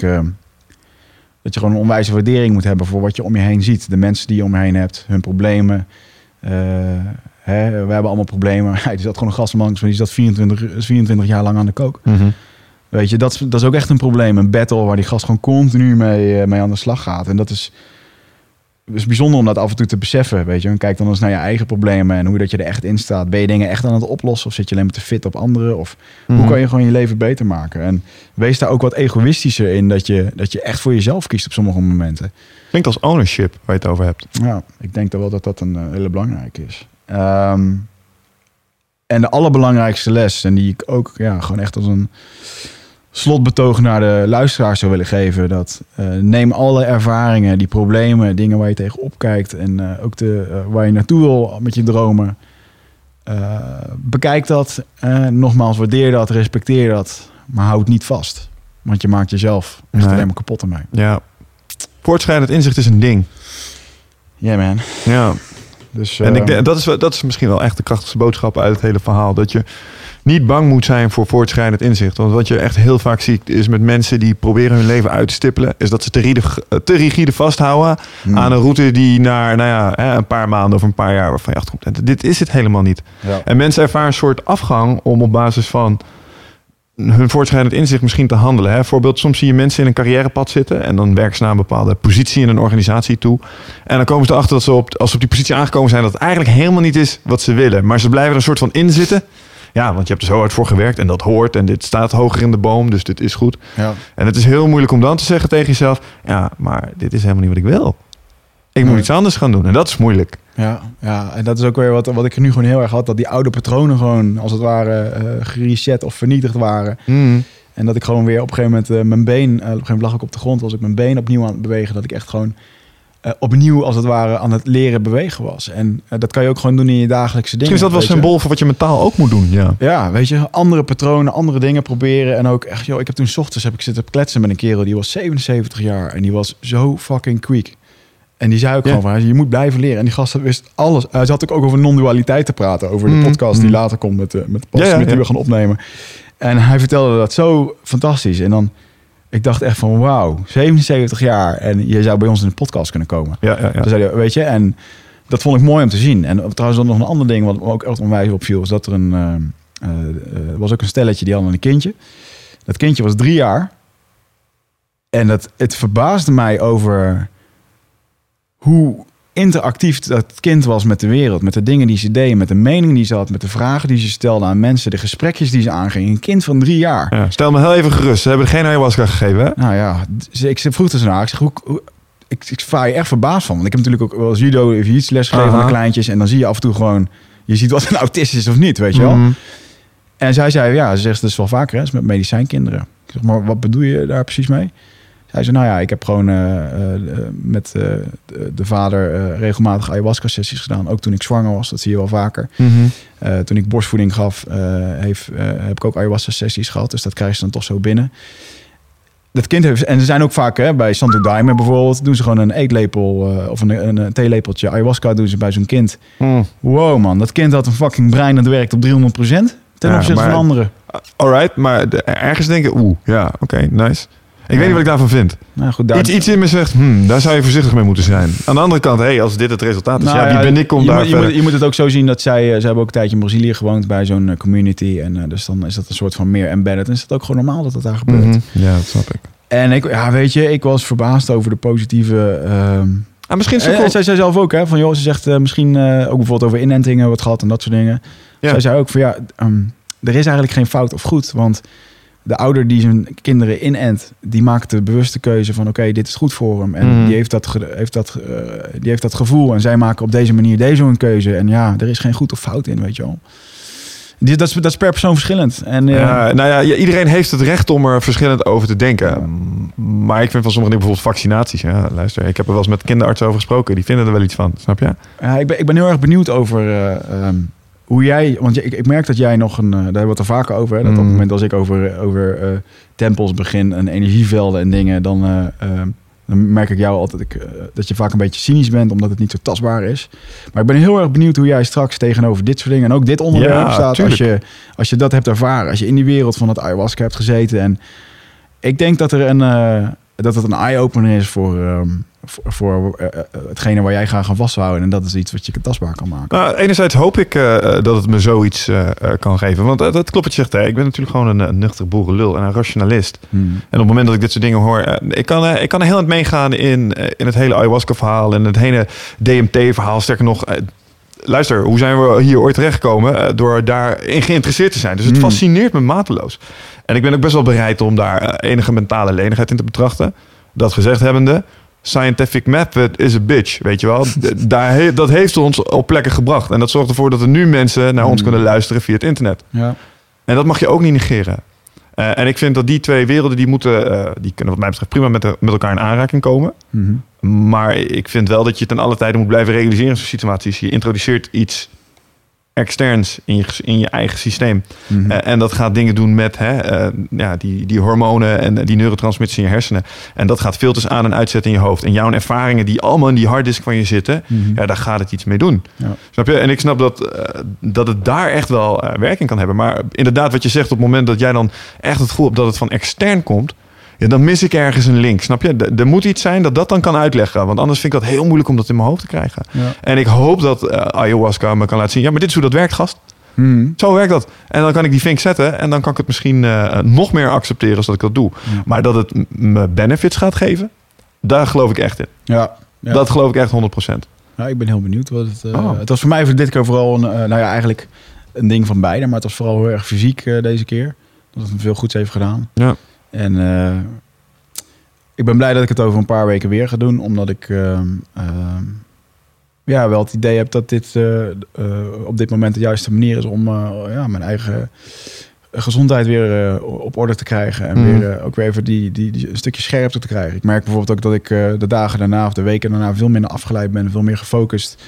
Minder op social media te klooien en te doen. Gewoon u- gewoon uren te verdoen, weet je wel. Afleiding zoeken. Ja, en ehm, ja, ik denk dat dit een... eh, Volgens mij is de truc nu voor jou dat je dat wat je leert daadwerkelijk terugbrengt naar de praktijk. Hoe ga ik dit nou toepassen? Nou, we hebben bijvoorbeeld ook gewoon getoond van... joh, ik moet gewoon een stukje regelmaat. Ik merk ook bijvoorbeeld dat jouw enthousiasme mij vaak meesleurt... in eh, een stukje chaos voor mijn planning. Weet je, dan worden er, keer- worden er dingen gepland... en dan, eh, ja, wordt er een soort, dan voel ik een soort van druk om eraan mee te doen. Terwijl ik dat gewoon veel meer moet structureren. Mhm. En ehm, ja, ook bijvoorbeeld... ik ga een werknemer of Easier wil ik eh, aan gaan nemen. Ik heb daar iemand op voor op het oog. Ehm, die moet mij gaan ontzorgen... en die moet de tweede man op het schip worden. Mhm. En ehm, eh, ja, dat is, dat, als, je last, als je heel veel werkt met freelancers en met outsourcing en dat soort dingen, is leuk. Maar dan eh, staat er nog steeds altijd één kapitein op het schip. En eh, eh, ik wil straks gewoon een keertje twee weken op vakantie kunnen... dat de telefoon uit Ja. gaat, bij spreken. En dat, ehm, ehm, ja, dat moet ook gebeuren, denk ik, om de volgende stap te maken. En ehm, ik heb ook de weg daarnaar getoond gekregen over hoe we dat gaan doen. Dus dat is Mhm. hartstikke tof. Mooi. Fijn man. Dus ja man, het was hem weer. eh, eh, ja, Heftig. Weer een ervaring en Vet weer shit. een eh vet shit. En ik weet je, ik zit nu gewoon weer fucking opgeladen hier. Ik merk dat ik gewoon weer een kleur op mijn gezicht heb die ik voorheen niet had. En ehm, Zin erin. Wat me altijd opvalt, eh, en dat vind ik het leuke aan de ayahuasca-sessies. Na de tijd trekken wij ook altijd sprintjes. hmm, Dan, gaat er, dan gebeurt er weer even wat en dan initiëren we weer iets. En dan hebben we even de verf te pakken voordat we weer worden nou ja, murm geslagen door die Ja. eh, weerbarstige praktijk. Maar het was grappig dat ik op een gegeven moment een, eh, een gesprek voor me zag... Wat ik, waar ik met Aubrey lag geinen over, over ayahuasca. Van, dat we dat iedere keer zo doen. En dat, weet je, natuurlijk, ik heb wel reg- regelmatig contact met hem. En dat is ook gewoon ginnegappen en ouwe hoeren. En, dat ik, maar ik zag mezelf met hem aan tafel dat we het er op een gegeven moment over hadden van ja, eh, eigenlijk is onze cyclus een beetje van eh, we doen ayahuasca, dan gaan er mooie plannen komen, dan is het get money, fuck bitches en dan komen er weer problemen en dan gaan we weer terug naar die ayahuasca, weet je wel? En dan, dan vond ik een mooie analogie van, eh, van een paar jonge honden die dit eh, proberen te gebruiken. Ja, maar je raakt wel de essentie waar we het aan het begin helemaal over hadden. Hè, met, ehm, eh, eigenlijk, dan kom ik een klein beetje terug op dat, op dat eh, 12 waves. Maar het is een cyclus. Softwareontwikkeling, daar hebben we het ook geleerd. En mensen werken nou eenmaal cyclisch. We werken in maanden, weken en dat soort dingen. En als je dat omarmt en je Ja. snapt dat dat is hoe het werkt... eh, en je omarmt dat, ja, dan is er niks aan de hand. Eh, dat, dit kan een volledig geldige manier van werken zijn. Ja, ja, natuurlijk als het voor ons werkt. En, eh, joh, weet je, en het mooiste is, eh, ehm, ik heb nu echt gewoon het gevoel dat we mensen helpen. Weet je, je hebt En, gezien. je- soms moet je een beetje beseffen dat je niet aan het trainen bent om de repetities te doen. Hè, om alle herhalingen te doen en alle setjes af maar af te werken om maar te doen. Nee, je bent het aan het doen met een bepaald doel. En dit is ook gewoon, ik bedoel, dit kost ons gewoon geld. Maar hey, eh, daar kijk ik nu anders naar. Weet Ja. je, dit is nu gewoon, Nou, in plaats van dat het geld kost, we geven hier dingen mee weg. ja, Dat is wat we aan het doen zijn. ja. En uiteindelijk, en dat komt weer terug. En dat komt op een manier terug. Hè? Want we creëren die relatie dat iemand zit te kijken, die wordt hierdoor getriggerd. Tuurlijk. Die gaat wat doen. En ik hoop dat straks iemand ook in één keer wordt getriggerd. Als die die ayahuasca heeft gedaan of wat dan ook. Of als die misschien een keer gaat floten en hij voelt zich beter. Maar ik heb, het je, ik heb je dit verteld volgens mij. Dat ik, ik zat laatst bij een eh, overload training. Ja. Dat er ook een paar jongens naar je toe komen. En dat een van die gasten die stond op een gegeven moment achter me bij de stoplichten. En die sprong daar zijn auto uit. Want die had het even over de podcast gehad met mij. En hij laat me zo'n WhatsApp zien. Ja, ik ga ook naar een ayahuasca sessie. Ja. En hij rende weer op zijn blote voeten terug naar zijn auto. En ik dacht, wat de fuck is dit? Good Weet je wel? man. Ja, nice. Ja. Maar mensen, ja, het zet ze aan het werk. En het laat ze dingen doen. En dat is volgens mij precies wat we wilden. Want we hebben ooit eens een keer voor de grap gezegd. Eigenlijk wat we willen is een soort get your shit together cult. Weet je wel? Ja. Ga er gewoon voor zorgen dat je, het, eh, dat je je shit op de rit krijgt. Ja, eh, eh, precies. Dus weet je, het is gewoon een... ja, it takes, it takes courage, zeggen ze wel eens. Ja. Hè? Het, eh, je hebt er wat moed voor nodig. Maar anderzijds, eh, joh, als je er klaar voor bent, en dan... ehm, Komt Ja, het. dan komt het vanzelf. Dus ik eh, kan niet anders zeggen dat ik alle luisteraars eh, nogmaals onwijs wil bedanken voor jullie waarde- kleine waarderingen. En eh überhaupt als je luistert, maar ook al spreek je of like je je waardering niet. Of, eh, eh, of hoe noem je dat? Schrijf je geen reacties. Maakt mij echt niet uit. Eh, ik weet dat het er is. En eh, daarvoor wil ik jullie eh, van harte bedanken. Van mij uit net zo. Dus Het is mooi om te doen, man. Het is echt mooi om te doen. En eh, eh, ja, we gaan, eh, we, we gaan binnenkort dan nog maar eens een keertje met jou zitten. Misschien Remco zelfs er wel bij. Ja, waarom niet? Nou, we zitten toch al een tijd te zoeken naar wanneer gaan we Remco nou een keer uitnodigen. Ja, dus misschien ja. is dit wel een hele mooie combi. Dus, ja, we zullen zien wat hij nou, als je mij ooit een keer een podcast ziet aftrappen in de bloemenjurk, dan weet je hoe laat het is. Ja, want ik denk wel dat jij in een roze jurk en blauwe kraaltjes terugkomt. Dat moet haast wel. Dat denk ik wel. Ik denk echt niet dat dat erin zit, maar we gaan het zien. We'll see, man. Ja, man. Thanks voor je luisteren en Tot de volgende keer. tot de volgende. Nice.